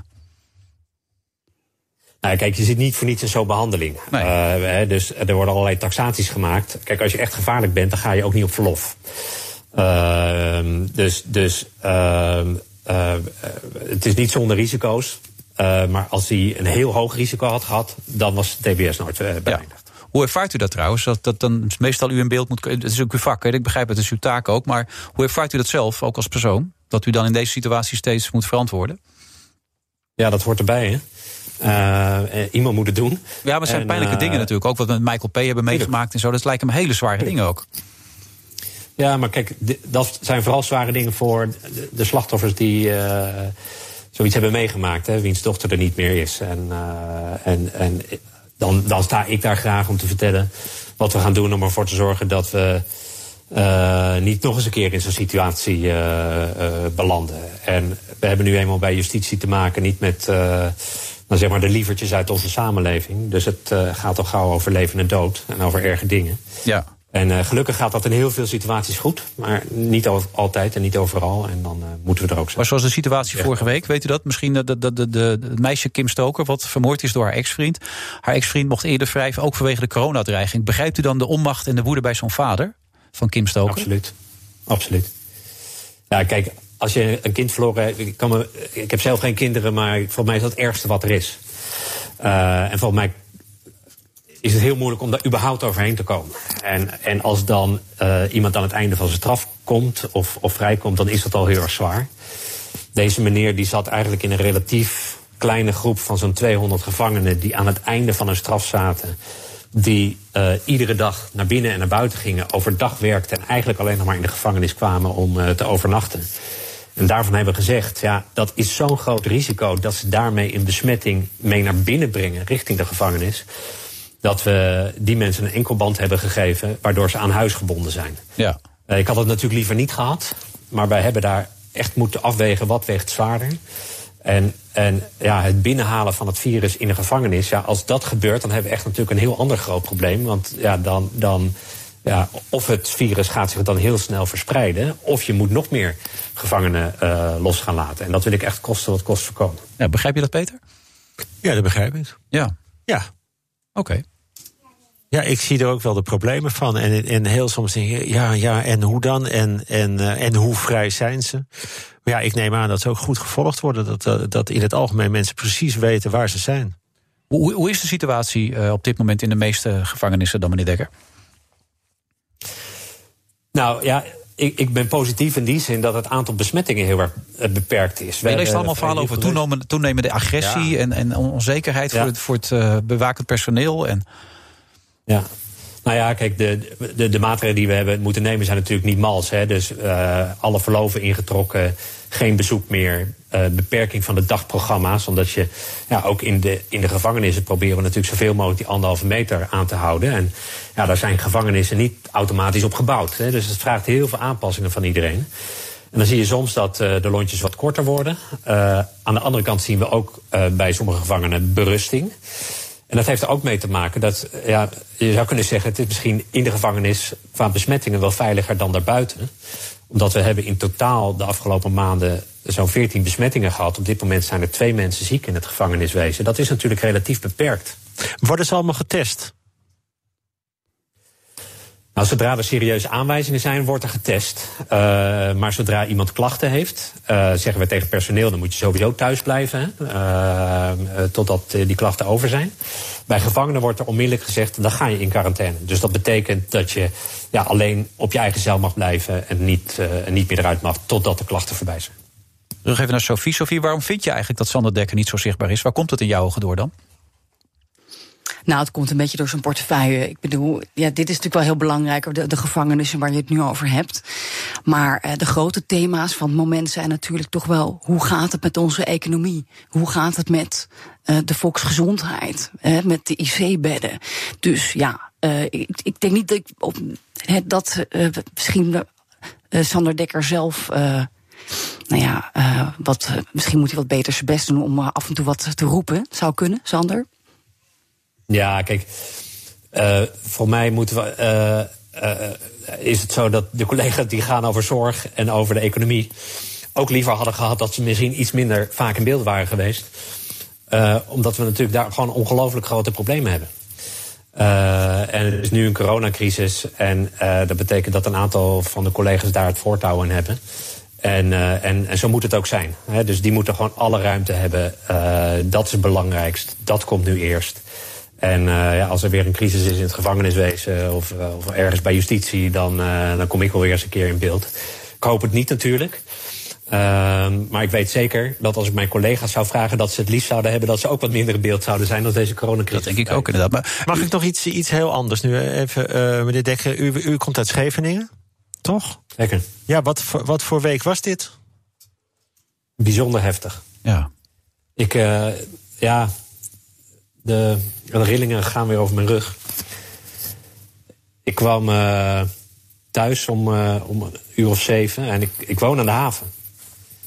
En uh, ja, die, die avond drie helikopters boven, die, boven dat havenhoofd. De reddingsbrigade. De, de, de, de, de hulpdiensten hebben zo ongelooflijk geknokt en, en tot, tot diep in het donker geprobeerd om, om die jongens uit het water te halen. En uh, ja, als je dan ziet dat er gewoon vijf van die gasten, gewoon jonge, jonge gasten, 30, 40 jaar. Mm het is uh, ja, onvoorstelbaar. Ja, dat lijkt me ook. En ik lees nu net ook dat het zoeken naar de feiten server gestaakt is. Ja. Omdat het echt niet uh, mogelijk meer is om door te gaan zoeken als je dat soort dingen. Kijk, hij is al overleden, maar dan wil je hem tenminste nog bij je. Maar natuurlijk wil je hem bij je. Verschrikkelijk als je dit dan. Uh, ik kan me voorstellen als je er zo dichtbij je zit, dat je het helemaal natuurlijk. Ja, ik begreep ook leeft. dat de hele Scheveningse gemeenschap, die, die daar ook echt, uh, echt totaal verslagen zijn. Het is. Uh, het komt zo ongelooflijk binnen. Weet je, ik, het is fantastisch als je daar woont. Want iedere ochtend dan, uh, bedoel, ik doe de gordijnen open en dan, en dan zie ik die lui in, in, in, in, op blote voeten door de straat, plankje onder de arm. En, dus, normaal gesproken is dat een hele vrolijke. En, en nu, daar hangt, daar hangt zo'n grauw sluier over, over, dat, over, over dat hele gebeuren heen. Een, een bloemenzee, mensen die over, over, over het water turen, jonge mensen, vrienden, familie ik zag gisteravond ook toen ik thuis kwam. Nog heel veel mensen van de politie en, en van de ambulance en van de brandweer. die naar het havenhoofd toe gaan. Ik denk dan omdat ze die avond daarbij betrokken zijn geweest. Om, ja, dat, dat lijkt me zo'n traumatische ervaring. Dat je om het een plaats te geven. Op zoek bent met de hoop ze, ze te kunnen redden. En, dan, en dat het niet lukt. Dat is, ja moet toch nog even terug naar uw vakgebied. Want u was natuurlijk al heel erg bezorgd over het uh, nogal zwaar belaste rechtelijk apparaat. Dat, dat zal het niet minder op zijn geworden door deze coronacrisis, lijkt mij toch? Nee, nee. Kijk, iedereen ondervindt hier natuurlijk de hinder van. En dat, dat, dat geldt ook voor rechtbank. Hè. De rechtbank moest uh, twee maanden terug uh, zeggen... ja, fysieke zittingen, moet je je ongeveer voorstellen... dat, dat zijn kleine bijeenkomsten. Dat, dat komt van de een op de andere dag niet meer. Nee. En langzaam maar zeker is dat wel weer opgestart. Deze week zijn ze ook weer begonnen met fysieke zittingen. Met heel veel nou, plexiglas ertussen en looplijnen en anderhalve meter. Maar dat betekent uh, dat ook hier natuurlijk gewoon dingen zijn blijven liggen die we op een later moment moeten zien in te halen. Ja, want ik begrijp ook door die sfeer thuis. We hadden het net al over agressie, maar ook eh, onderlinge relaties lopen niet allemaal. Dat het aantal scheidingen stevig gaat toenemen. U had al eerder een bezoek gebracht volgens mij aan een rechtbank. Daar zag u ook dat er hoeveel familiezaken bleven liggen. Dat zal nu alleen maar lastiger worden, denk ik, scheiden en, en dat soort dingen regelen. Nou ja, dat zie je natuurlijk. En sommige dingen, daarvoor moet je echt wel naar de rechtbank toe. Hè. Als, je, als je het hebt over zaken waar, kinderen bij betrokken zijn... en je wil kinderen horen, dat is veel ingewikkelder. Dat kan je niet zomaar via telehoren doen... waar de afgelopen tijd op andere terreinen veel gebruik van is gemaakt. Dus we hebben die fysieke zittingen voor dit soort zaken ook echt weer gewoon nodig. Ja, En u heeft al volgens mij voor drie jaar 95 miljoen extra beschikbaar gesteld, toch? Voor het snelle behandelen van zaken, flexibeler zijn van rechters. Uh, helpt dat al een beetje? Ja, dat, dat, kijk, dat geld hebben we de rechtspraak gegeven in goede tijd. Ja. En toen dachten we, nou, als we dat daar nou in stoppen... dan kunnen we alle achterstanden in de komende drie jaar inlopen. En toen kwam de coronacrisis voorbij. Dus dat is wel, uh, nou, dat, dat verandert het speelveld. Maar ik weet zeker, als ik zie hoe hard er wordt gewerkt, al deze partijen, dat iedereen de schouders eronder zet, om straks ja, te proberen die achterstanden gewoon mee in te lopen. Dat gaat lukken, zegt u. Eh, daar gaan we in ieder geval heel erg hard ons best voor doen. Ja, want dit hoort toch ook bij de zorg? Als we de zorg in het centrum, dit, dit hoort ook bij zorg. Tuurlijk. Ja. Kijk, of het nou gaat om zorg, of onderwijs, of justitie. Uh, we hebben allemaal te maken gehad met, met achterstanden en met ja, gewoon dat we niet voor de volle 100% hebben kunnen draaien. En uh, ja, ook ziekenhuizen zullen gewoon weer de normale zorg moeten oppakken. Ook scholen moeten de draad weer oppakken. En dus ook justitie, ook rechtbanken moeten de draad weer oppakken. En proberen dat, nou, de, de, de, achterstand van de afgelopen twee maanden gewoon weer in te halen. Nou, dan moeten ze vol voor gaan. Van de week ook weer het Marengo-proces. Een aantal advocaten had gedreigd niet te komen. Wat vond u van die houding? Ja, kijk, uiteindelijk moet de rechter daarna natuurlijk een oordeel over geven. Uh, dit ging over een zogeheten proforma-zitting. Ja. Uh, maar dat gesproken over rechtsongelijkheid en, en dat, uh, dat er niet goed verdedigd zou kunnen worden. Maar er zit ook heel veel ja. druk op dit proces. Tuurlijk, dat, dat zie ik ook. En uiteindelijk moet de rechter daar een oordeel over geven. Uh, maar, tegelijkertijd, kijk, advocaten proberen natuurlijk altijd voor hun cliënten uh, te zeggen van uh, de omstandigheden in de gevangenis, die kunnen zo niet langer. En dit is allemaal niet eerlijk. En dat hoort ook een beetje bij dat proces. Uh, uiteindelijk is een rechter onafhankelijk en een rechter moet daar een knoop door hakken. En ik heb een zeer hoge pet op als het gaat om de mannen en vrouwen die dat in Nederland doen. Oké, okay, dank u wel. En ik zal Frits Hoefnagel vertellen dat u het over gaat brengen... omdat u nog geen toezeggingen kon doen, helaas. Dat weet hij ook al. Ja, dat weet ik. Maar ik had hem beloofd dat we het even zouden regelen. Dat morgen alles weer open zou gaan. Maar het is bij deze niet gelukt. Helaas. Ja. Maar we blijven hard doorwerken. Ja, goed. Succes daar aan die kant. En bedankt. En jou, Sophie. Groetjes, hè. Jo. The Friday Move wordt mede mogelijk gemaakt door TUI. Discover your smile. BNR Nieuwsradio. The Friday Move. Ik begin ermee anderhalve meter. And maybe that's a question you should ask China. Uh, voorzitter. Het verdriet in de Scheveningse gemeenschap en daarbuiten is onvoorstelbaar. Wilfred Gené. Is een duo zijn nu een vloek of een zegen? Vraagt Sander Lantinga zich af in deze uitzending van The Friday Move.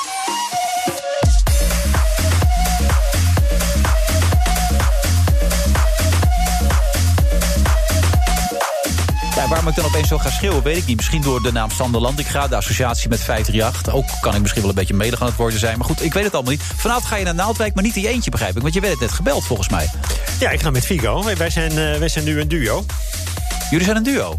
Ja, kijk, wij, wij waren er, niet uit het raam. En, uh, en Joep van Deudekom, die, uh, die doet nu niet mee. Ik ga met Fico samen, zijn we een duo. Maar de laatste keer dat ik jou sprak, toen had je toch ruzie met, met uh, Figo. Toen zei dat een lul was, maar dat is dus niet meer zo.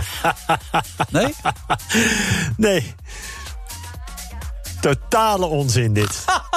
Echt totale onzin. Zijn we al bij Sander? Ja, we zijn er. Goedemiddag. Hey, Sander. Sander, hallo zeg.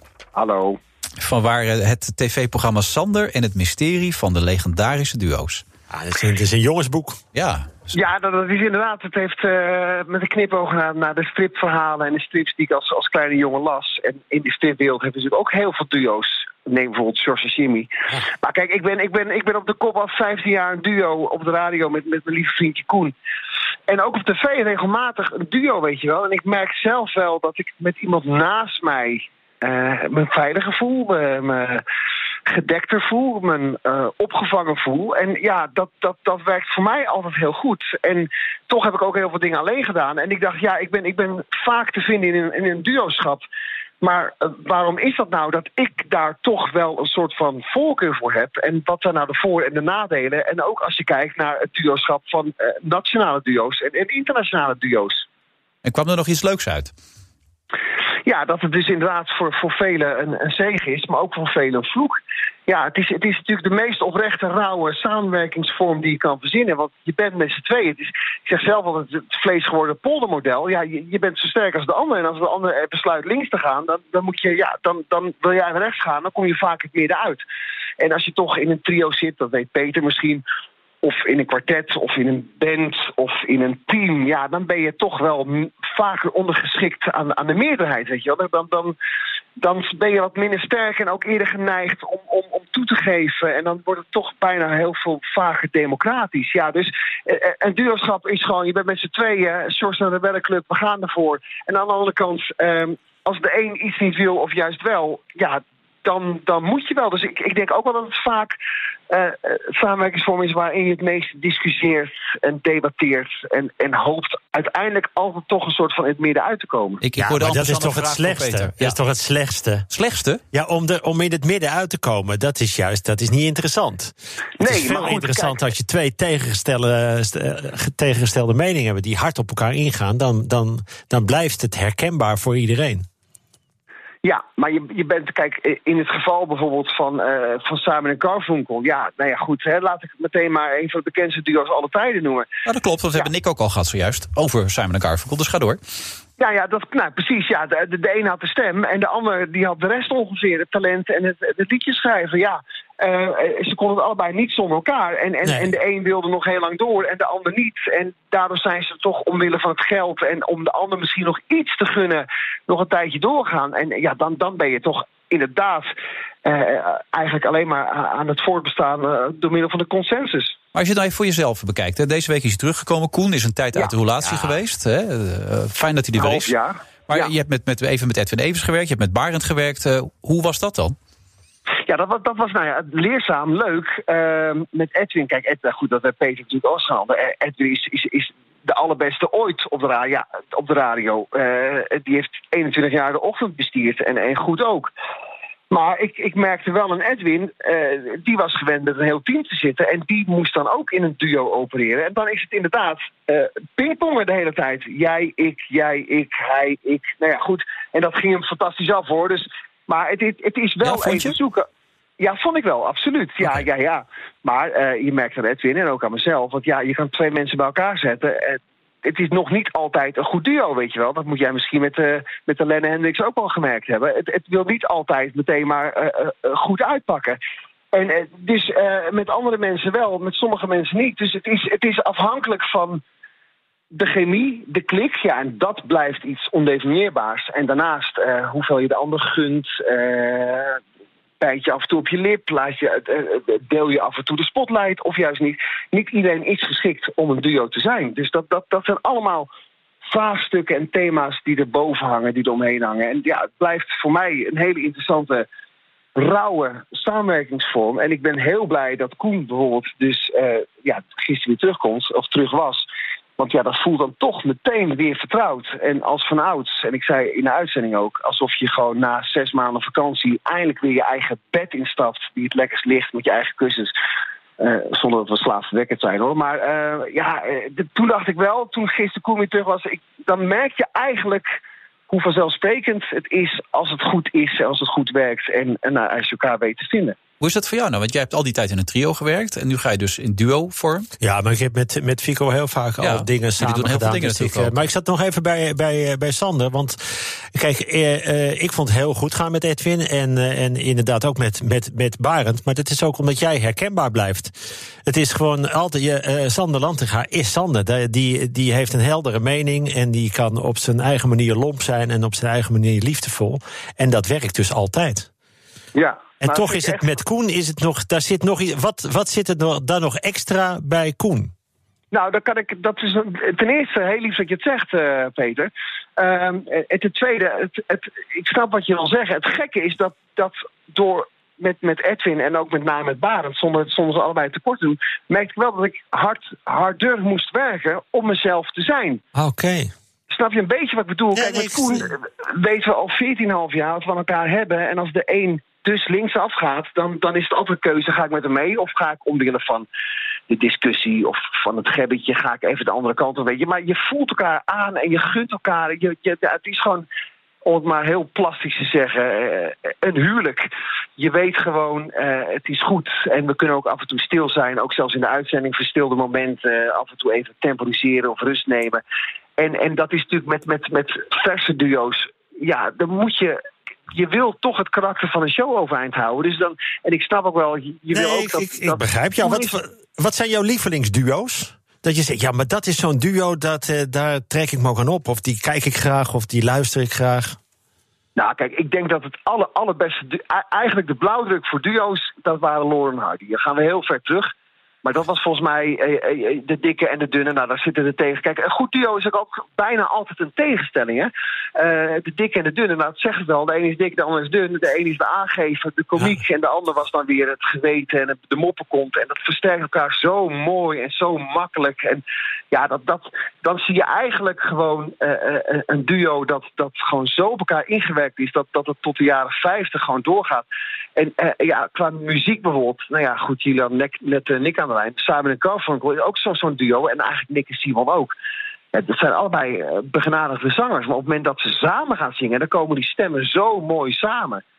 Ja, dan, dan, dan, dan, dan is eigenlijk het, eh, eh, het totaal groter dan de som der delen. En, en, en ja, dat, dat is niet, bijna niet eh, aan, aan veel duo's gegeven. Dat het, als het samenkomt, dat het ook dan zoveel meer is dan gewoon de optelsom. Dus ik vind, ik vind bijvoorbeeld Simon Garfunkel, maar dan begrijp ik erg terug naar, naar het Ja, verleden. ja, en ik vond Laurel en Hardy ook vrij ver naar het verleden. Ja, dat is- En wa- wat, wat is er eh, nu dan? En Simon Nou, komen ja. voorbij in het programma, Sander, hè? onder andere, toch? Nick en Simon heb ik geïnterviewd. Eh, ik, ik, vond, eh, ik heb ook bijvoorbeeld eh, eh, Haarhuis in Elping gedaan. Ook, Ah, ja. sport, eh, ja, goed, ja, dat, dat is ook zo mooi, weet je wel. De e- een is de kapitein in het veld en de ander die, eh, die, die staat erbij en die reageert en doet het ook heel goed. Dus dat is ook mooi om die rolverdeling te onderzoeken. En, en, en eh, Carlo en Irene hebben het bijvoorbeeld ook gedaan.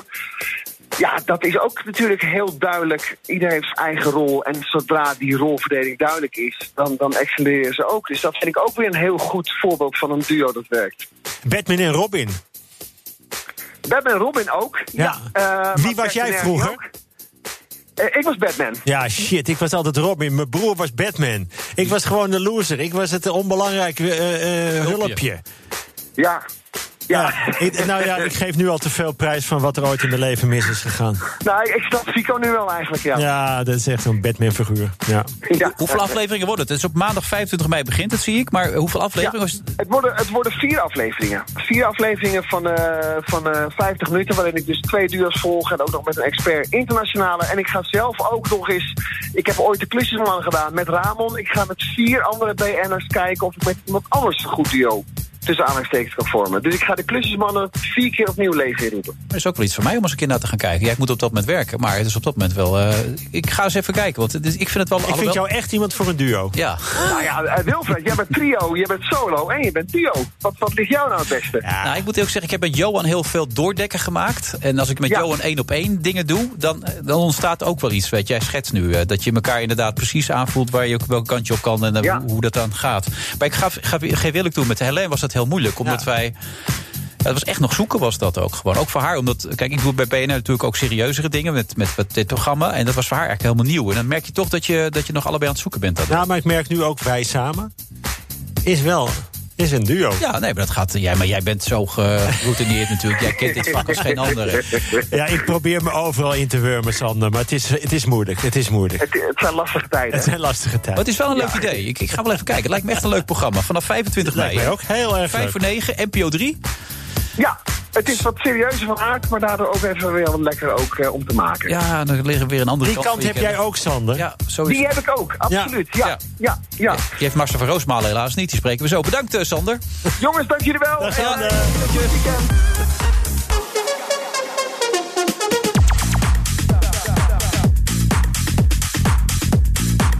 Friday Move, vrijdag 15 mei. Eh, het duo eh, ondergetekende Heerschop. Heerschop en... ja. Ja, en eh, we spreken nu, als het goed is, met eh, Marcel van Roosmalen... die is zoals gebruikelijk in een uitstekend humeur is, toch, Marcel? Jazeker, ik ben een heel goed humeur. Ja. Hoe is dat te verklaren? Eh, Ik heb eerlijk gezegd ik heb er geen enkele reden voor, maar eh, het is zo vandaag. Je hebt wel eens van die dagen dat het, eh, dat het in één keer naar je toe valt. Dat je denkt, goh, ik voel me wel lekker. Ja. Ehm, bij Peter gaat zijn relatie beter dan ooit. Hoe is dat bij jou en Eva Hoeken? Goed, eh, gewoon stabiel. Het, eh, het was al goed en het, eh, het, het kabbelt ook in deze coronatijd stabiel voort. Oké, jullie hebben geen last van het feit dat je elkaar misschien nog wel vaker ziet? Of is dat niet eens het geval? Nou, we proberen wel. ja, we zien elkaar niet eens zoveel vaker eigenlijk. We, we hebben best een groot huis. Ik, ik zit dan overdag vaak op zolder. En op een zeker moment kom ik naar beneden. En dan is het toch blij verrast. Ja. Hey, je bent weer beneden, zegt ze dan. ja, en dan zeg je ja, ik zat boven, toch? Zeg je dan. Ja, precies. Wat een Ja. schitterend gesprek. Ja. Ja, dit is een heel mooi begin. En jullie wonen nog steeds in die hele leuke plaats waar je zo gelukkig bent. Nou, we wonen inderdaad. eh, ik, eh, wat dat betreft, voor mij was die overgang van die lockdown helemaal niet zo groot. Want ik woon in Wormer en daar is het gewoon al jaren een lockdown. Dus voor- op het oog verandert hier niets. Nee. Dus dat is ook eh, ja, makkelijk. Je merkt het pas als je in de trein stapt. Dan vraagt de conducteur ook meteen: waar gaat de reis heen? Waarom? Ja, het laatste keer dat wij samen iets deden, dat was, wij waren ook een uitstekend duo, moet ik erbij zeggen trouwens. Toen vertelde je wel, bij meer succes hoop ik snel weer terug te keren in Amsterdam. Is, is daar al enige zicht op? Nou ja, de- eh, er is nu een kleine aanzet, want daarvoor bellen jullie mij ook met, eh, over dat boek. Wat oh ja, het boek hè? Ja. Eh, on- Nederland onder het systeemplafond. En dit is eigenlijk mijn sleutel tot terugkeer naar Amsterdam. ja, dit moet een succes worden waardoor jij die stap weer kan maken. Precies, en ik hoop dat heel Nederland mij daarmee gaat ondersteunen. Nou, ik vind het vreemd genoeg ook gelijk een heel ontroerend onderwerp voor een boek. Systeemplafond. Dat het, ik zit nu ook onder een systeemplafond, bijvoorbeeld. Dat wist ik. En eh Wilfred is eh, ook een hele goede man om onder een systeemplafond. Het is een van mijn favoriete bezigheden de laatste tijd. Wij hebben thuis ook speciaal een systeemplafond laten installeren om dat een beetje te kunnen ervaren steeds. Is het, is, het is net zo verschrikkelijk als dat het gewoon is. Ja, nou ja, dit, dit hele boek gaat eigenlijk over het Nederland wat niet meer bestaat. Het saaie Nederland, het verschrikkelijke Nederland. Het, het Nederland waar zich allemaal vergaderingen afspeelden in zaaltjes waar je helemaal niet bij wilde zijn, maar die je nu mist. Nu zit iedereen opgesloten en nu heb ik eigenlijk het eerste geschiedenisboek gemaakt samen met Jan Dirk van den Burg. Ja, maar die maakt de foto's, toch? Voor de duidelijkheid. Ja, ik weet niet of je het boek hebt ontvangen, maar die foto's zijn echt geweldig. Daarop zie je echt gewoon eh, mannen in ruitjesblouses in appels bijten, gapen tijdens vergaderingen, door stoelen heen zakken. We bleven vaak uren hangen op die vergaderingen om dat vast te leggen. Ja. En automatisch eh, schreef ik dan een verslag van vergaderingen ja, die er eigenlijk totaal niet toe doen. Bijvoorbeeld hier een tandartscongres, de APRA-sectie in Amersfoort. Dat ging over een nieuw soort vulling van tandartsen. En we hebben ons gespecialiseerd toen echt eh, tandartsen. En Dat heeft Jan Dirk fantastisch gefotografeerd ook. Die, hoe die op broodjes aanvallen, dat is echt ongekend. Oh, wat de meest luxe broodjes, ze vochten erop. Ik krijg nu al zoveel zin. Is het, is, het, is het ook een beetje in de sfeer van de vereniging, wat je vroeger had, en, en de Hollandse velden? Dat soort oer-Hollandse dingen. Dat, je, dat het, het ook een beetje somber eruit ziet, maar je wordt er heel vrolijk van. Ja, en ik heb daar een neutrale verslag eh, van gemaakt. neutraal? Van die uh, bijeenkomst. Ja, neutraal. Voor Ja. mijn doen behoorlijk neutraal. Echt waar? Is je dat gelukt, hè, Marcel? Ja, nou, ik ging er vaak met uh, heel veel tegenzin naartoe. En ik kwam er vaak opgelucht uh, vandaan, omdat ik toch de indruk had van... goh, er zijn dus miljoenen mensen in Nederland die een kutter leven hebben dan ik, hebben dan ik. Het, is, het, het valt nog mee met mij. Ik maak me nog niet druk om speeltoestellen aan het eind van de straat. Ik ga daar nog geen brieven over schrijven. Ik ga nog niet over vergaderen. Ik ga niet vergaderen over gevels. Ik plak geen stickers, zoals in de gemeente Hardenberg. Hoe je je eigen wijk fantastisch maakt. Met uh, een zwembad in je eigen wijk stickeren samen met ambtenaren en daar dan over praten. Ik heb een, nog een redelijk normaal leven en daar kwam ik eigenlijk achter. Ja. Oh, ik, ik hoop nu al dat het een heel dik boek is. Het is 400 pagina's. Oh, wat lekker. Dus het, is, het ligt ook heerlijk in de hand. Het, het ruikt zelfs lekker. Dus je hebt foto's, je hebt teksten. Echt ongelooflijk veel het, teksten. Het is eigenlijk het boek over Nederland. Het, het, is, het is de geschiedschrijving van ja, Nederland. Je moet hem hebben eigenlijk gewoon. Daar komt het op neer. Als je het niet Daar op, je, het om op die keukentafel hebt liggen, dan is het uh, een gemis. Ik vind, ik, ik vind nu ook al jammer dat, dat er geen, geen luisterboek bij zit. Of... Nou, dat ga ik wel doen. Oh, ik, ja. uh, ik heb besloten en dan kunnen mensen, dan maken we een internetsite en dan kunnen mensen zelf het plaatje erbij gaan zoeken. Oh. Dan zeg ik nummer 1 en dan begin ik gewoon voor te lezen. Dan kunnen ze zelf al die foto's van Jan Dirk uh, erbij gaan zoeken. En ik, ik doe het ook, die promotie van dit boek. De, nou, ik hoop echt overal te zitten. Ja. Ik, uh, ik wil ook naar VI toe met dit boek. Ja, wil je? Kan dat? Ja, dat wil ik heel Mag graag. dat? Mag dat van NOS ook wel dan? Nou, Want je ja, bent toch nu van de publieke, ben jij? Hè? Ja, maar ik, ik zoemel er toch wel een beetje mee. En dit is toch een soort boekpromotie, dus dan mag het wel. Hè. Maar je moet dan ook een keertje zo zeggen, want we hebben nog steeds Bavaria sponsor. Ja, dat doe ik wel met heel veel moeite. Maar als ik bij jullie mag komen met dit boek, dan zeg ik twee keer zo. Ja? Oh, dan is het geregeld bij deze. Dan ga ik dat even regelen. We hebben nog tot 1 juni uitzending. Maar dan zit jij er zo, binnenkort. Ja, Ja. en dan hou ik dat boek omhoog en dan zeg ik zo. Ja, nou ja, en dan drink je een biertje erbij. Dat is belangrijk. Dan neem ik op dat moment een slokje van een Bavaria bier. Ja, maar het boek, het boek heet dus Nederland onder het systeemplafond... met subtitel Help eh, Marcel en Eva terug naar Amsterdam. Toch? Daar is het eigenlijk een beetje... Precies, dat is eigenlijk de subtitel die er niet onder staat. Ja. Maar ik wil toch wel benadrukken dat het. Dat het ik ben echt, echt heel trots op dit boek. Dat klinkt, zo klink je ook. Je klinkt ook heel trots. Dat heb ik echt zelden dat ik ergens eh, trots op ben. Maar dit is waarom ik eigenlijk op aarde ben. Om deze boodschap eh, te verkondigen. En ja, het is nu klaar. Ja, Het maar je, grote werk zit erop. maar je bent overal geweest. Ah. Hondenpoep symposium lees ik. De opening van een Febo, een cursus. Nons? Ja, jongen. De, de Brabantse liederentafel. Informatieavond omwonenden van Lelystad. Air- Airport, gek genoeg, in Balk. Vergadering producentenorganisatie Varkenshouderij in Heteren. 40-jarig jubileum van Erik Verhoeven bij Snijders Metaal in Uden. Symposium Duurzame Energie als streekproduct in Feyenoord. Congres Zakelijk Resultaat halen met Facebook en Instagram in Utrecht. Bijeenkomst van de harde kern van de leden van de Nederlandse Vereniging van Fotojournalisten in Breukelen.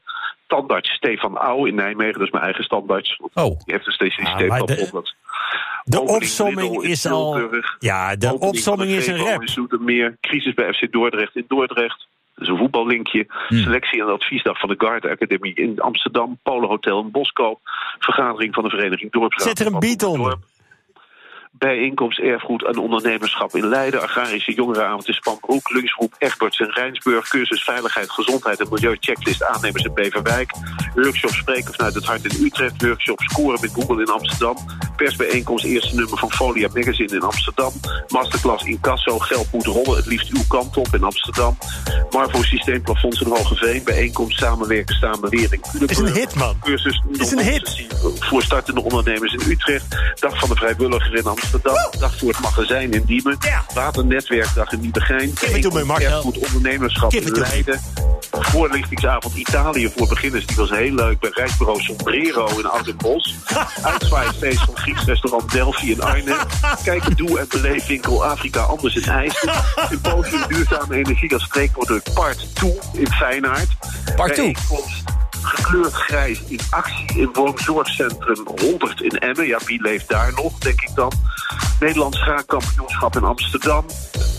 Eh, meedenkavond over de toekomst van Katwijk. En die bijeenkomst vond gek genoeg plaats in Rijnsburg. Dat is natuurlijk ook heel apart. Cursus zelf wietolie maken in Haarlem. Nou ja, eh, zo gaat het maar door. Workshop spelen met waardering voor ambtenaren in Zaandam. Gokhalmedewerkers. Eh BNR Nieuwsradio. The Friday Move. Niet stoer doen als je gezondheidsklachten hebt. Voorzitter, En eh, accepteer die voucher, maar zeg dat je het onder protest doet. Want je wilt je geld hebben. Dan blijf je thuis. Wilfred Gené. Hoe serieus is de ruzie tussen Amerika en China? En eh, hoe gaat het alternatieve songfestival er morgen uitzien?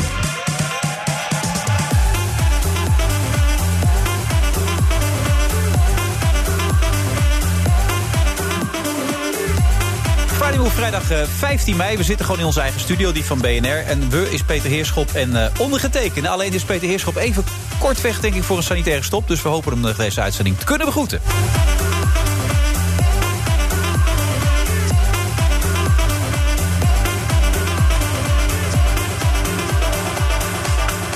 Maar gelukkig is er altijd nog Bernard Handelburg. Bernard, goedenavond is het al. Hallo Wilfred. Hoe gaat het met je, Bernard? Goed hoor, ja, hoor. En ik hoor met jullie ook. En de gezondheid, lekker, goed? Ja, daar gelukkig helemaal niks te klagen. Oké. Eh, Ondertussen komt Peter Heerschop weer binnen, dus dan weet je ook dat dat Nou, Peter is. Dat je niet denkt, wie is kan, dat? kan ik hem eerst even een complimentje Hallo. maken? Want ik ben een ontzettende fan van eh, de kleine remedie. Oh, hij, wacht even. Nu heeft hij zijn he- koptelefoon Ja, op. nou Hij zei iets heel aardigs tegen je. Oh, ik heb het nog niet gehoord. Nee, Nee. ik doe nu mijn koptelefoon op. Ja, nee, ik, ik ben zo'n fan van eh, de kleine remedie. Ik lig helemaal in een deuk. Dus, eh, Oh, wat fijn. ga, ga door, man. Wat is dat? De podcast, hè, voor de duidelijkheid voor de mensen die dat niet weten. Vijfdelige podcast. Waar kan je hem vinden? Overal? Ja, ik, kijk, ik ben, ik ben paroollezer. Ik kijk ja. gewoon op de website Op van de website Parool. van Parool, via Dan de klik je- website dan klik je zo door. Ja. Oké. Ja. Absoluut de moeite waard. Prachtige spel van, eh, van Paul de Munnik heb ik ook gehoord, toch? Op de piano. Ja, en Theodor Holman met zijn hoogtevrees. Er moeten gebeuren allerlei grappige dingen. Dus, Ja, maar hij had wel een geweldige column. Hè? gewoon grandioos. Ik, sterk, ik heb hem onmiddellijk een mailtje gestuurd. Ik vond Ja. het zo fantastisch. Ja. Dus, eh, eh, nou, echt. Nou, dat was ook weer een moment van volschieten. Ja. Echt zeer ontroerend. Uit het Ja, hart zeer allemaal. ontroerend en ook heel mooi voorgedragen trouwens. Dat kan die geweldig, ja. ja. Ja. Ik geloof ook dat jij zei, hij is de enige die zich niet verspreekt. Hè? En ze, Het is niet te geloven. ja. Ja, nou, dat, dat kan hij fantastisch. Hij schrijft ook heel goed. En ik ben het heel vaak ook niet met hem eens, maar heel vaak Dat ook is, wel. eh, dat- het is, ja, het is ik heb altijd geleerd, ik schrijf wel columns, en ik heb altijd geleerd dat je, je moet ongeveer de helft van je, van je publiek moet het fantastisch vinden en de andere vreselijk. En als één van die twee factoren ontbreekt, doe je iets niet goed. Nee, dat is wel, en dat wisselt bij hem en, en daarom vind ik hem geweldig. Ik ook, ja. Nou, dat zijn jullie eens. Nu even de situatie eh, China-Amerika. Hoe serieus is het allemaal? Nou, dat is wel serieus. Ehm, eh, ik, ik schrok echt een beetje van het laatste nieuws, omdat Trump die zegt nu in, in, in zijn, eh, nou, het is zo langzamerhand echt een haatcampagne Ja. tegen China. Eh, om politieke redenen. Maar goed, doet, doet er even niet toe of, dat nou, of hij nou met zijn eigen verkiezingen bezig is of niet. Maar dit wordt, begint bedreigend te worden. Hij zegt nu: ehm, ik, eh, ik, ik, ik wil helemaal niets meer. Ik heb niets te bespreken met Xi, dus eh, zijn eh, Chinese collega's. Ik ga niet met hem praten. En ik overweeg zelfs om de betrekkingen te verbreken. Dat is nogal wat. Nou weten we allemaal best dat dat niet zo 1, 2, 3 gebeurt. Maar dat soort taal is levensgevaarlijk. En waar ik dan ook van schrik, dan kun je zeggen: oké, dat is Trump. En die is weer eens aan het razen of aan het twitteren. Of die roept maar dingen. Dat gebeurt wel vaker. En de, de soep wordt niet zo heet gegeten. Maar de Chinezen, die doen niet meer voor hem onder. Ehm, dus die zeggen nu gewoon: ehm, de- de- deze man is zo krankzinnig. En eh, dit is ook weer, die, was dit niet die man die eh, zei: je moet een injectie nemen met ontreinigingsmiddel. en dan gaat het Floor, beschermd tegen corona. Dus dat zeggen ze gewoon in hun persverklaring. Maar, zeggen ze, ehm, bij dit soort taal, dan eh, trekken we ons misschien wel terug uit dat eerste stukje van de handelsovereenkomst dat al is gesloten, hè, die zogenaamde fase 1. Ja. Phase 1. En Phase dat is heel veel. Dat gaat om verschrikkelijk veel eh, geld. Iets van eh, 200 miljard dollar. Waaronder enorm, dat ze allemaal aankopen in Amerika. Ja. Eh, onder andere sojabonen, waar die Chinezen die, die ze helemaal niet nodig hebben, maar die ze, hebben ze om de goede vrede dan maar gekocht. Oh. En allerlei bestellingen die ze hebben gedaan. En ze zeggen, nou misschien zeggen we dat wel op. En doen we het gewoon niet. En ze dreigen nog meer. Ze zeggen misschien eh, stoppen we met onze overeenkomst met Boeing. Dan moet je even, ik heb dat even opgezocht. Het zijn, als je die cijfers ziet. Ja. Ehm, Boeing heeft een principe deal, dat is natuurlijk nog niet geleverd, tot 2002, tot 2038, dus dat is nog een behoorlijk tijdje weg, voor 8100 vliegtuigen. Zo. Dat, dat is een dealtje van 3 biljoen dollar. En als China gaat zeggen, nou misschien moesten wij maar eens ehm, terugkomen op de deal met Boeing en ook een deal met Apple die ze hebben, dan zie je onmiddellijk ehm, dat eh, de markt dat serieus neemt. De, de futures die vliegen omlaag. Eh, trouwens, Rob Jansen gaat straks in Beurswatch om half zeven op dit thema nog door. Dus ik, ik ga, ik ben, en ik Oh, ben dat doe je geen- goed. ik- Een bruggetje leggen, teasen. ja, wel, maar Ja. ik zeg het is, dat hoort, hoort eigenlijk bij hem. Ja. Maar het gaat bij mij meer om de, om de politieke kant. Dus zeg ja, dat gekibbel en ruzie maken. En wel tegen elkaar schreeuwen, maar ook elkaars mondkapjes kopen. De soep wordt niet zo heet gegeten. En nu dacht ik plotseling, nou, hij wordt misschien wel heet gegeten. Ik schrik hiervan. Nou ja, en Bernhard hoe, hoe zit Europa hier tussen? Ja, precies, slap. Europa is weer typisch Europa. Ehm, dat zou één lijn moeten trekken. En dat zou ehm, eh, in elk geval ehm, moeten zorgen. Kijk, Europa is vergeleken bij China en Amerika een groter eh, handelsblok dan die twee andere. Wij, zijn met bijna 500 miljoen inwoners. en We hebben onze cijfers bij elkaar opgeteld zijn veel hoger dan die van China en de Verenigde Staten. En we doen steeds, we roepen ja, dat zijn dan de nummers 1 en 2. Maar als je ons meetelt, zijn wij de nummer 1. Maar Europa doet daar niets mee. Eh, vertaalt dat niet in politieke macht. Vertaalt dat niet in ook het opzetten van een grote mond. Of het proberen om een positie over te nemen van de ene of de ander. Tegenover de ene of de ander. Want je kunt ze natuurlijk. Als ze zo kiften, kun je daar heel mooi mee wegkomen. doen ze allemaal niet. Nou, Kift, het is bijna, het, is- het is bijna uitlokken van een, eh, Ja. van een oorlogachtige Ja, ruzie. Precies, ik hoorde straks eh, op een van die financiële Amerikaanse zenders, ik, ik, ik geloof CNBC, hoorde ik het ook zeggen over een financiële koude oorlog die Ja. uitbrak. Nou, ik dacht, ja, dat is helemaal niet zo'n gekke benaming, er zit wel wat in. En, en het is inderdaad bedreigend, want we zijn, je, kunt, je kunt dit soort dingen helemaal niet doen. Amerika krijgt 90% van zijn antibiotica uit China. Dus je kunt wel roepen, ik verbreek de betrekkingen. Ehm, maar dat betekent het ook dat je gewoon helemaal geen antibiotica meer eh, hebt. Maar doet hij dit nou allemaal om zijn populariteit weer wat op te krikken? Dit, dit, dit doet hij om de verkiezingen te winnen. Ja. Eh, hij, is, hij is elke dag of elke week verzint hij een thema. Ehm, en dat was toch thema- deze week ook Obamagate? Was het Ja, ook? was ook daar. Obamagate heeft een heel. het- Niemand weet precies wat het is. Ja, maar dat wil ik ook nog aan jou vragen. Ik snap hem niet helemaal. Het grootste schandaal uit de Amerikaanse geschiedenis, heren. Het gaat over hij. Flynn, toch? Over, Ja, die, eh, die man die Ja, eh, inderdaad... Hij, eh, hij probeert. De frame is ongeveer. Je hebt die hele Rusland. eh, affaire gehad. Daar is hij, heeft hij een afzettingsprocedure doorgekregen. En het frame nu van Trump en consorten is. Het was precies andersom. ja.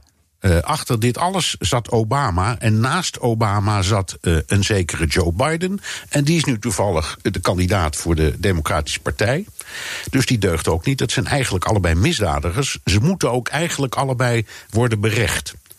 De inhoud, die, die weet niemand. Eh, ja, een beetje, maar we weten eigenlijk helemaal niet waar het over gaat. Ja, ik las Leon de Winter van de week. Die was het wel helemaal mee eens Ja, met, met, goed, met die Trump. is- dat, dat mag. Die is een- er zijn meer mensen mee. Trump speelt dit eh, heel handig. En er zijn ook in de media heel veel mensen die zeggen... de hoogste tijd dat die Obama en die Biden eens worden aangepakt. Dat mag je vinden, om wat voor reden dan ook. Ja. Alleen, Trump, Trump doet dat niet omdat hij echt vindt dat die twee mannen niet deugen... of dat Biden moet worden uit die. Het gaat hem alleen maar om de verkiezingen. En die ruzie dus ook. En die ruzie kan hij zo Ja, ver doorvoeren... dat het- elke, elke, elke week verzint hij iets om aan te tonen dat hij niets verkeerds heeft gedaan in de coronacrisis. En dat hij en het Amerikaanse volk slachtoffer zijn daarvan. Bernard, En dat maar, ligt eh, dus elke week aan iemand anders. Vorige, van de week was het Obama. Hm. En nu is het weer China. Maar als ik het nieuws een beetje volg en allemaal lees, dan, dan kan eh, de overwinning Trump niet ontgaan in de komende verkiezingen. Nee, dat zit er dik in. Ja. Ook met 30 miljoen werklozen. Ja. Ja, maar het is een verkeerde veronderstelling dat mensen, als ze werkloos worden, plotseling denken: dan ga ik op een andere partij stemmen. Dat is, eh, er staat nergens dat het zo is. Ehm, Maar jij zei me laatst twee weken geleden of zo... dat bijna weer helemaal eh, op ja, gelijk hoogte is was een- zijn gekomen. populariteit steeg, stijgt nog steeds, of steeg. Het gaat nu weer een beetje andersom. Omdat het een communicerend vat. Na die injectieaffaire kelderde eh, de populariteit van Trump. En omdat er maar één tegenkandidaat is, krijg je een communicerend vat. Dus de Biden hoefde helemaal niks te doen en ging toch in populariteit omhoog. En naarmate eh, Trump daar weer wat van terugpakt, en dat doet hij met deze campagne. Want dat smerige China wordt eindelijk aangepakt. Nou, dat, vindt hij, eh, dat vinden de, de gewone arbeiders prachtig om te horen. Want daar komt de concurrentie voor hun producten vandaan. En die Obama, daar moet ook eens mee worden afgerekend. Dat vinden ze allemaal ook. Waarom weten ze niet, maar dat vinden ze wel. En dus stijgt hij weer een beetje. En dus daalt Biden weer een beetje. Zo wordt het gespeeld. Maar hij gaat het toch niet zo ver doorvoeren eh, met China? Dat zal hij er uiteindelijk toch wel weer laten? Nee, en gelukkig, ik denk ook niet dat hij er helemaal in zijn eentje over gaat. Want er is ook nog zoiets als het congres. Ja. Eh, en in elke democratie is gelukkig het parlement de baas. Eh, en dat geldt ook voor Amerika. En ook in de Republikeinse Partij zijn er nu heel veel mensen die tegen Trump zeggen: eh, toontje lager alsjeblieft. Dit is niet handig. Oké, dus dan loopt het straks met een sisser af als ik jou zo Hopen hoor. we. Ja, nou ja, wie weet. Kunnen we de... Oh nee, volgende week zijn we er niet, Bernard, dat weet je. Die week daarna pas weer. Ja, Ja, dan hebben we het dan weer over. verheug me vast. Ja, nou, hartstikke gezellig. Tot dan, hè. Groetjes. Dag Bernard. Oké, ja. Dit is Jolanda van der Velde van de ANWB Verkeersinformatie. Op de snelwegen rijdt het overal prima door. Maar let wel goed op, want Flitsmeister meldt flitsers op de A6 Lelystad-Jouren... in beide richtingen bij hectometerpaal 282.8.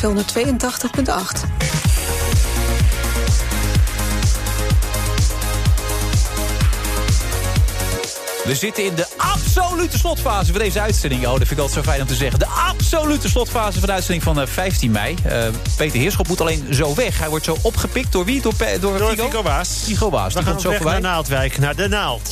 En hoe kunnen we dat allemaal gaan bekijken straks? Ik denk eh, via de site van De Naald. Daar staat het op. En dan Dat kunnen denk we... ik, ja. ja het is Daar niet live wat je gaat doen? Of kunnen mensen Ik ook denk nog... dat het, eh, dat het eh, op hun site live wordt uitgezonden. Ja, dat denk ik wel. En dat het, maar er is altijd nog terug te kijken. Er gaat Ja. echt iets bijzonders gebeuren. Ja, ga je iets leuks doen met de Figo? Nou ja, we hebben iets. eh, eh, eh, we hebben geschreven voor ons nieuwe programma. wat in oktober in première zou gaan. Halve finale gaat het heten. Ja, dat, dat, de kans dat dat op een normale manier doorgaat. dat- die is klein. Maar, maar we zijn wel begonnen. En vandaag gaan we voor het eerst daar stukken uit voorlezen, half spelen. Oké. Zin in. Ja, dus de naald. En dan heb je ook nog natuurlijk de podcast waar we net over hadden. Die kunnen ze op het parool allemaal gaan bekijken, toch? Ja.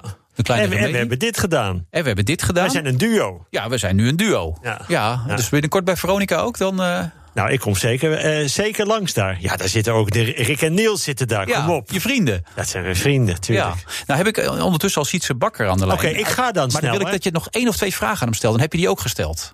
Dan heb je dat ook gehad, weet je wel. Dan heb je daar ook nog aan bijgedragen. Wat Ja. zou je graag van het Songfestival nog willen weten van Sietse Bakker? Nou, ik wil vooral weten wat Sietse morgenavond gaat doen. Hallo Sietse. showtje maken voor eh, heel Europa. Nou, en, en, en hoe, hoe voelt dat, eh, deze show? Dat het, dat het, ja, het, het, wat, wat, wat, wat mis je, wat levert het je op?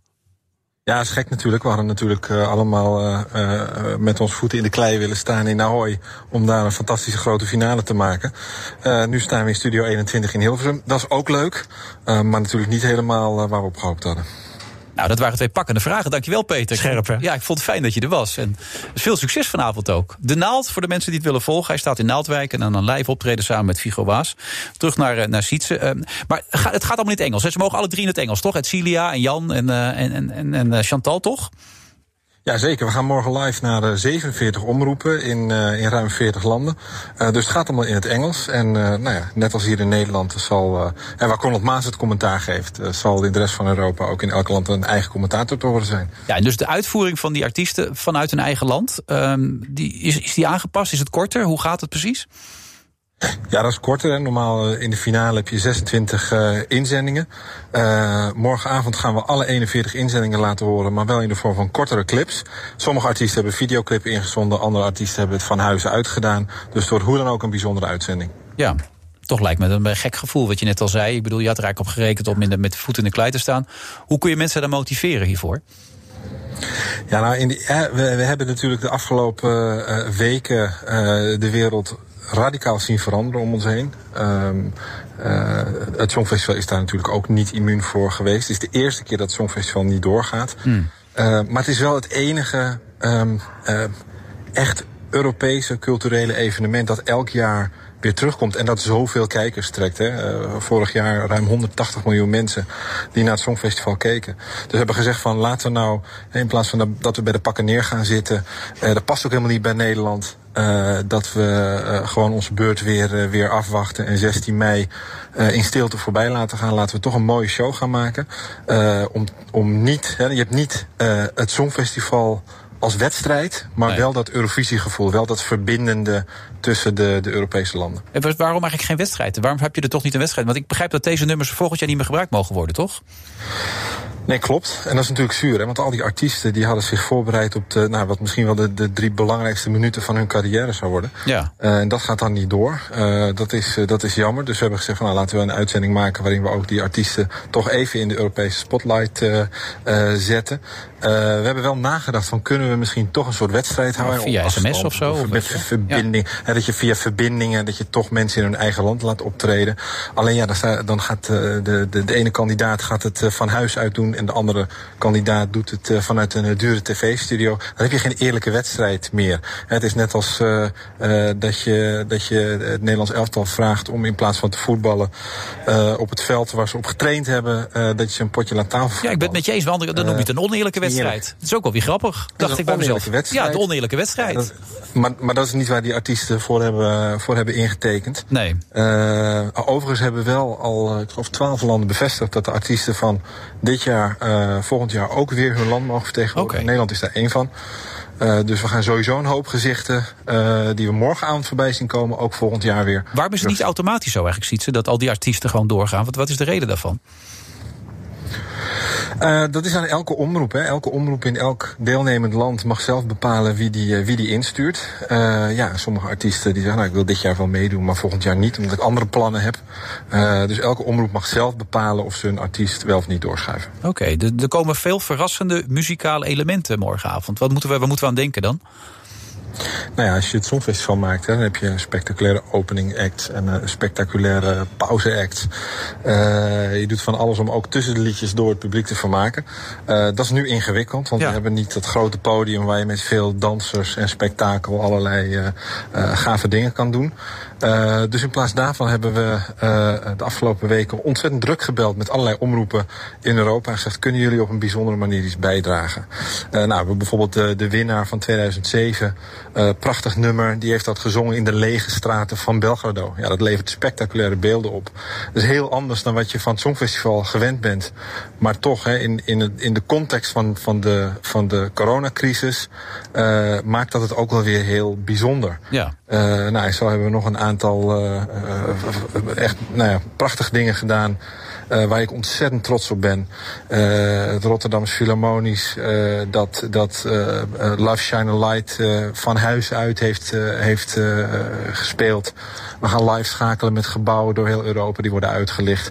Dus het wordt, het wordt hoe dan ook een spectaculaire uitzending. Namen uit het verleden, grote namen, mensen als Johnny Logan en zo, komen die ook voorbij?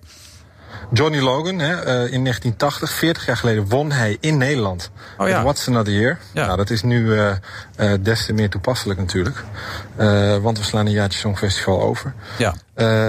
en zo hebben we nog een aantal oude, bekende, zeer bekende Songfestival-deelnemers... Abba? die morgen de revue gaan passeren. Misschien zelfs een vleugje ABBA. Echt waar? Oh, dat is wel heel bijzonder als dat zou gebeuren. Zullen ze er niet allemaal zijn? Maar, morgen. Eh, maar een van de mensen van Alba misschien dus wel. Dat zou prachtig zijn natuurlijk allemaal. Um, en, en dan volgend jaar. En ik, ik hoorde Cordat Maas even. Het zou kunnen dat het niet in Rotterdam is. Maar dat gaat allemaal wel gewoon in Nederland gebeuren. Hè? Ondanks alle maatregelen hier, toch? Nou ja, de, de regel is als je hebt gewonnen mag je het organiseren. Ja. Uh, dus dat betekent niet dat als dat door, uh, uh, door iets waar je niks aan kan doen niet gaat... dan blijf je dat recht ook gewoon houden. Nou, Rotterdam heeft al gezegd, wij willen uh, het Songfestival volgend jaar wel weer verwel verwelkomen. Uh, we hebben hier uh, intern, ga ik je ook verder niet meer vervelen, maar we hebben nog wel wat huiswerk te doen om, om dat ook te kunnen bevestigen. Want je moet wel weten waar je aan begint. Ja. en dat is al zo onduidelijk, hè, want nou, we weten niet of we volgend jaar weer spectaculaire grote evenementen met duizenden mensen publiek kunnen, kunnen organiseren. Uh, dus dat, uh, dat huiswerk is bijna af. En we hopen heel snel met, uh, met nieuws te kunnen komen. Maar als je dat, dat huiswerk een beetje bekijkt, en dat heb je natuurlijk al uitgebreid gedaan, wat is het gevoel dat overheerst? Hoe groot acht je de kans? Nou, we hebben met Rotterdam, met Ahoy, met de omroepen hier, hebben we gezegd van we, we, we willen dit eigenlijk gewoon gaan doen. Ja. laten we onderzoeken wat daarvoor nodig is. Uh, ervoor zorgen dat iedereen uh, kan, dat Ahoy weer beschikbaar is, dat de hotels weer kunnen, uh, dat het team weer beschikbaar is, dat we de begroting weer rondkrijgen, nou, al dat soort saaie dingen. Ja. dat is bijna klaar en hopelijk snel nieuws. Ja, maar als ik je zo hoor, is de kans groot dat het doorgaat dan dat het niet doorgaat in Rotterdam? Veel groter. Ja, toch? Dat mag ik stellen. Zeker. Ik bedoel, de KNVB wilde de laatste 80-20 afmeting hebben, dan hadden ze gekozen voor 20 teams. daar zitten jullie ongeveer op, 80-20? ik, misschien zelfs meer. Zo, 90-10. Nou, dan gaat het gewoon door. Gefeliciteerd, Zijn optimistisch. Ja, nee, maar ik ben deze vraag te gefeliciteerd. Mooi man. Volgend jaar gewoon weer in Nederland. Heerlijk. Oh, nu valt hij stil. Dat is niet de bedoeling, ziet ze. ja, we moeten toch ook nog een beetje de spanning opbouwen naar morgenavond. Dus ja, dat begrijp gewoon lekker kijken allemaal. 9 uur, uur op NPO 1. Ja, ja, Europe Shine the Light. Ik wens je heel veel plezier mee, Sietse. En, uh, dankjewel, jullie ook. En volgend jaar ook heel veel succes als het hier in Nederland is. Fantastisch om dat te horen. dankjewel. Ja, oké. Okay, groetjes. Dag. Nou, wij zijn er dus volgende week niet met deze uitzending van de Friday Move. Uh, ja, jammer, maar dat zijn van die dagen. Even vrij met z'n allen, heb ik begrepen. En in die week daarna zijn we er gewoon weer. En ik heb begrepen dat we die week daarna... ja, ik wil het bijna niet geloven... misschien wel weer op locatie zitten. He, daar kan er weer bij zitten. En dan, dan DJ Thomas een keer uit het muffe hok weg. Nou, het wordt één groot feest. Peter Heerschop zit inmiddels al in de auto. Ik wil hem ook hartelijk bedanken. Hij zit natuurlijk te luisteren. Gekluisterd aan de radio. Zometeen Rob Jansen met het allerlaatste nieuws. Maar ja, dat had Bernard Hammelburg al weggegeven. Bedankt voor het luisteren. En tot over twee weken. Begin daarmee anderhalve meter. Dat is in ieder geval hoe het moet worden ingericht. Uh, de versoepeling die komt in ieder geval wel op een, uh, een juist moment. En ik begrijp natuurlijk dat u honderd vragen heeft. En die vragen hebben wij ook. Er moet ongelooflijk duidelijk zijn wat zijn de spelregels, hoe lang gaat het duren. Dus met andere woorden is het zeer teleurstellend dat de heer Koolmees hier niets wil doen aan al die mensen die zometeen hun baan dreigen te verliezen. Tegelijkertijd moet je een keer moet je die overheidsfinanciën wel op orde brengen. Daar moet je denk ik tijd voor nemen. Dat vind ik inderdaad uh, een heel interessant idee. European consumers have a right to a cash refund. Niet stoer doen als je gezondheidsklachten hebt. Dan blijf je thuis. Op dit moment kunnen de mensen met een vitaal beroep allemaal mee. Terwijl met een voucher hou je het recht om uiteindelijk na dat jaar uh, je geld terug te krijgen. Ook al bestaat een mondkapje volledig uit papier, niet bij het oude papier. Ook al zit er plastic in, niet bij het oude plastic. Omdat we ook, ook gewoon met elkaar aan het, aan het uh, ja, experimenteren, aan het, uh, hoe noem je het? Aan het zoeken zijn naar manieren om, om die problemen op te lossen. We all need a break. Especially after this confinement. Het kabinet wil stapje voor stapje versoepelen. We want to enjoy some early days. Uh, en dat ze natuurlijk ook altijd, op het moment dat ze hun geld terug willen, dat ze dat ook uh, moeten krijgen. Dus uh, in die zin ga ik dat ook zo doen. En accepteer die voucher, maar zeg dat je het onder protest doet, want je wilt je geld hebben. En ik kreeg van Connie van Brenk vanavond om 20 uur 24 een mailtje. Ik beantwoord de vragen die u mij stelt en ik heb die precies beantwoord. Ook als het mij niet zo goed uitkwam.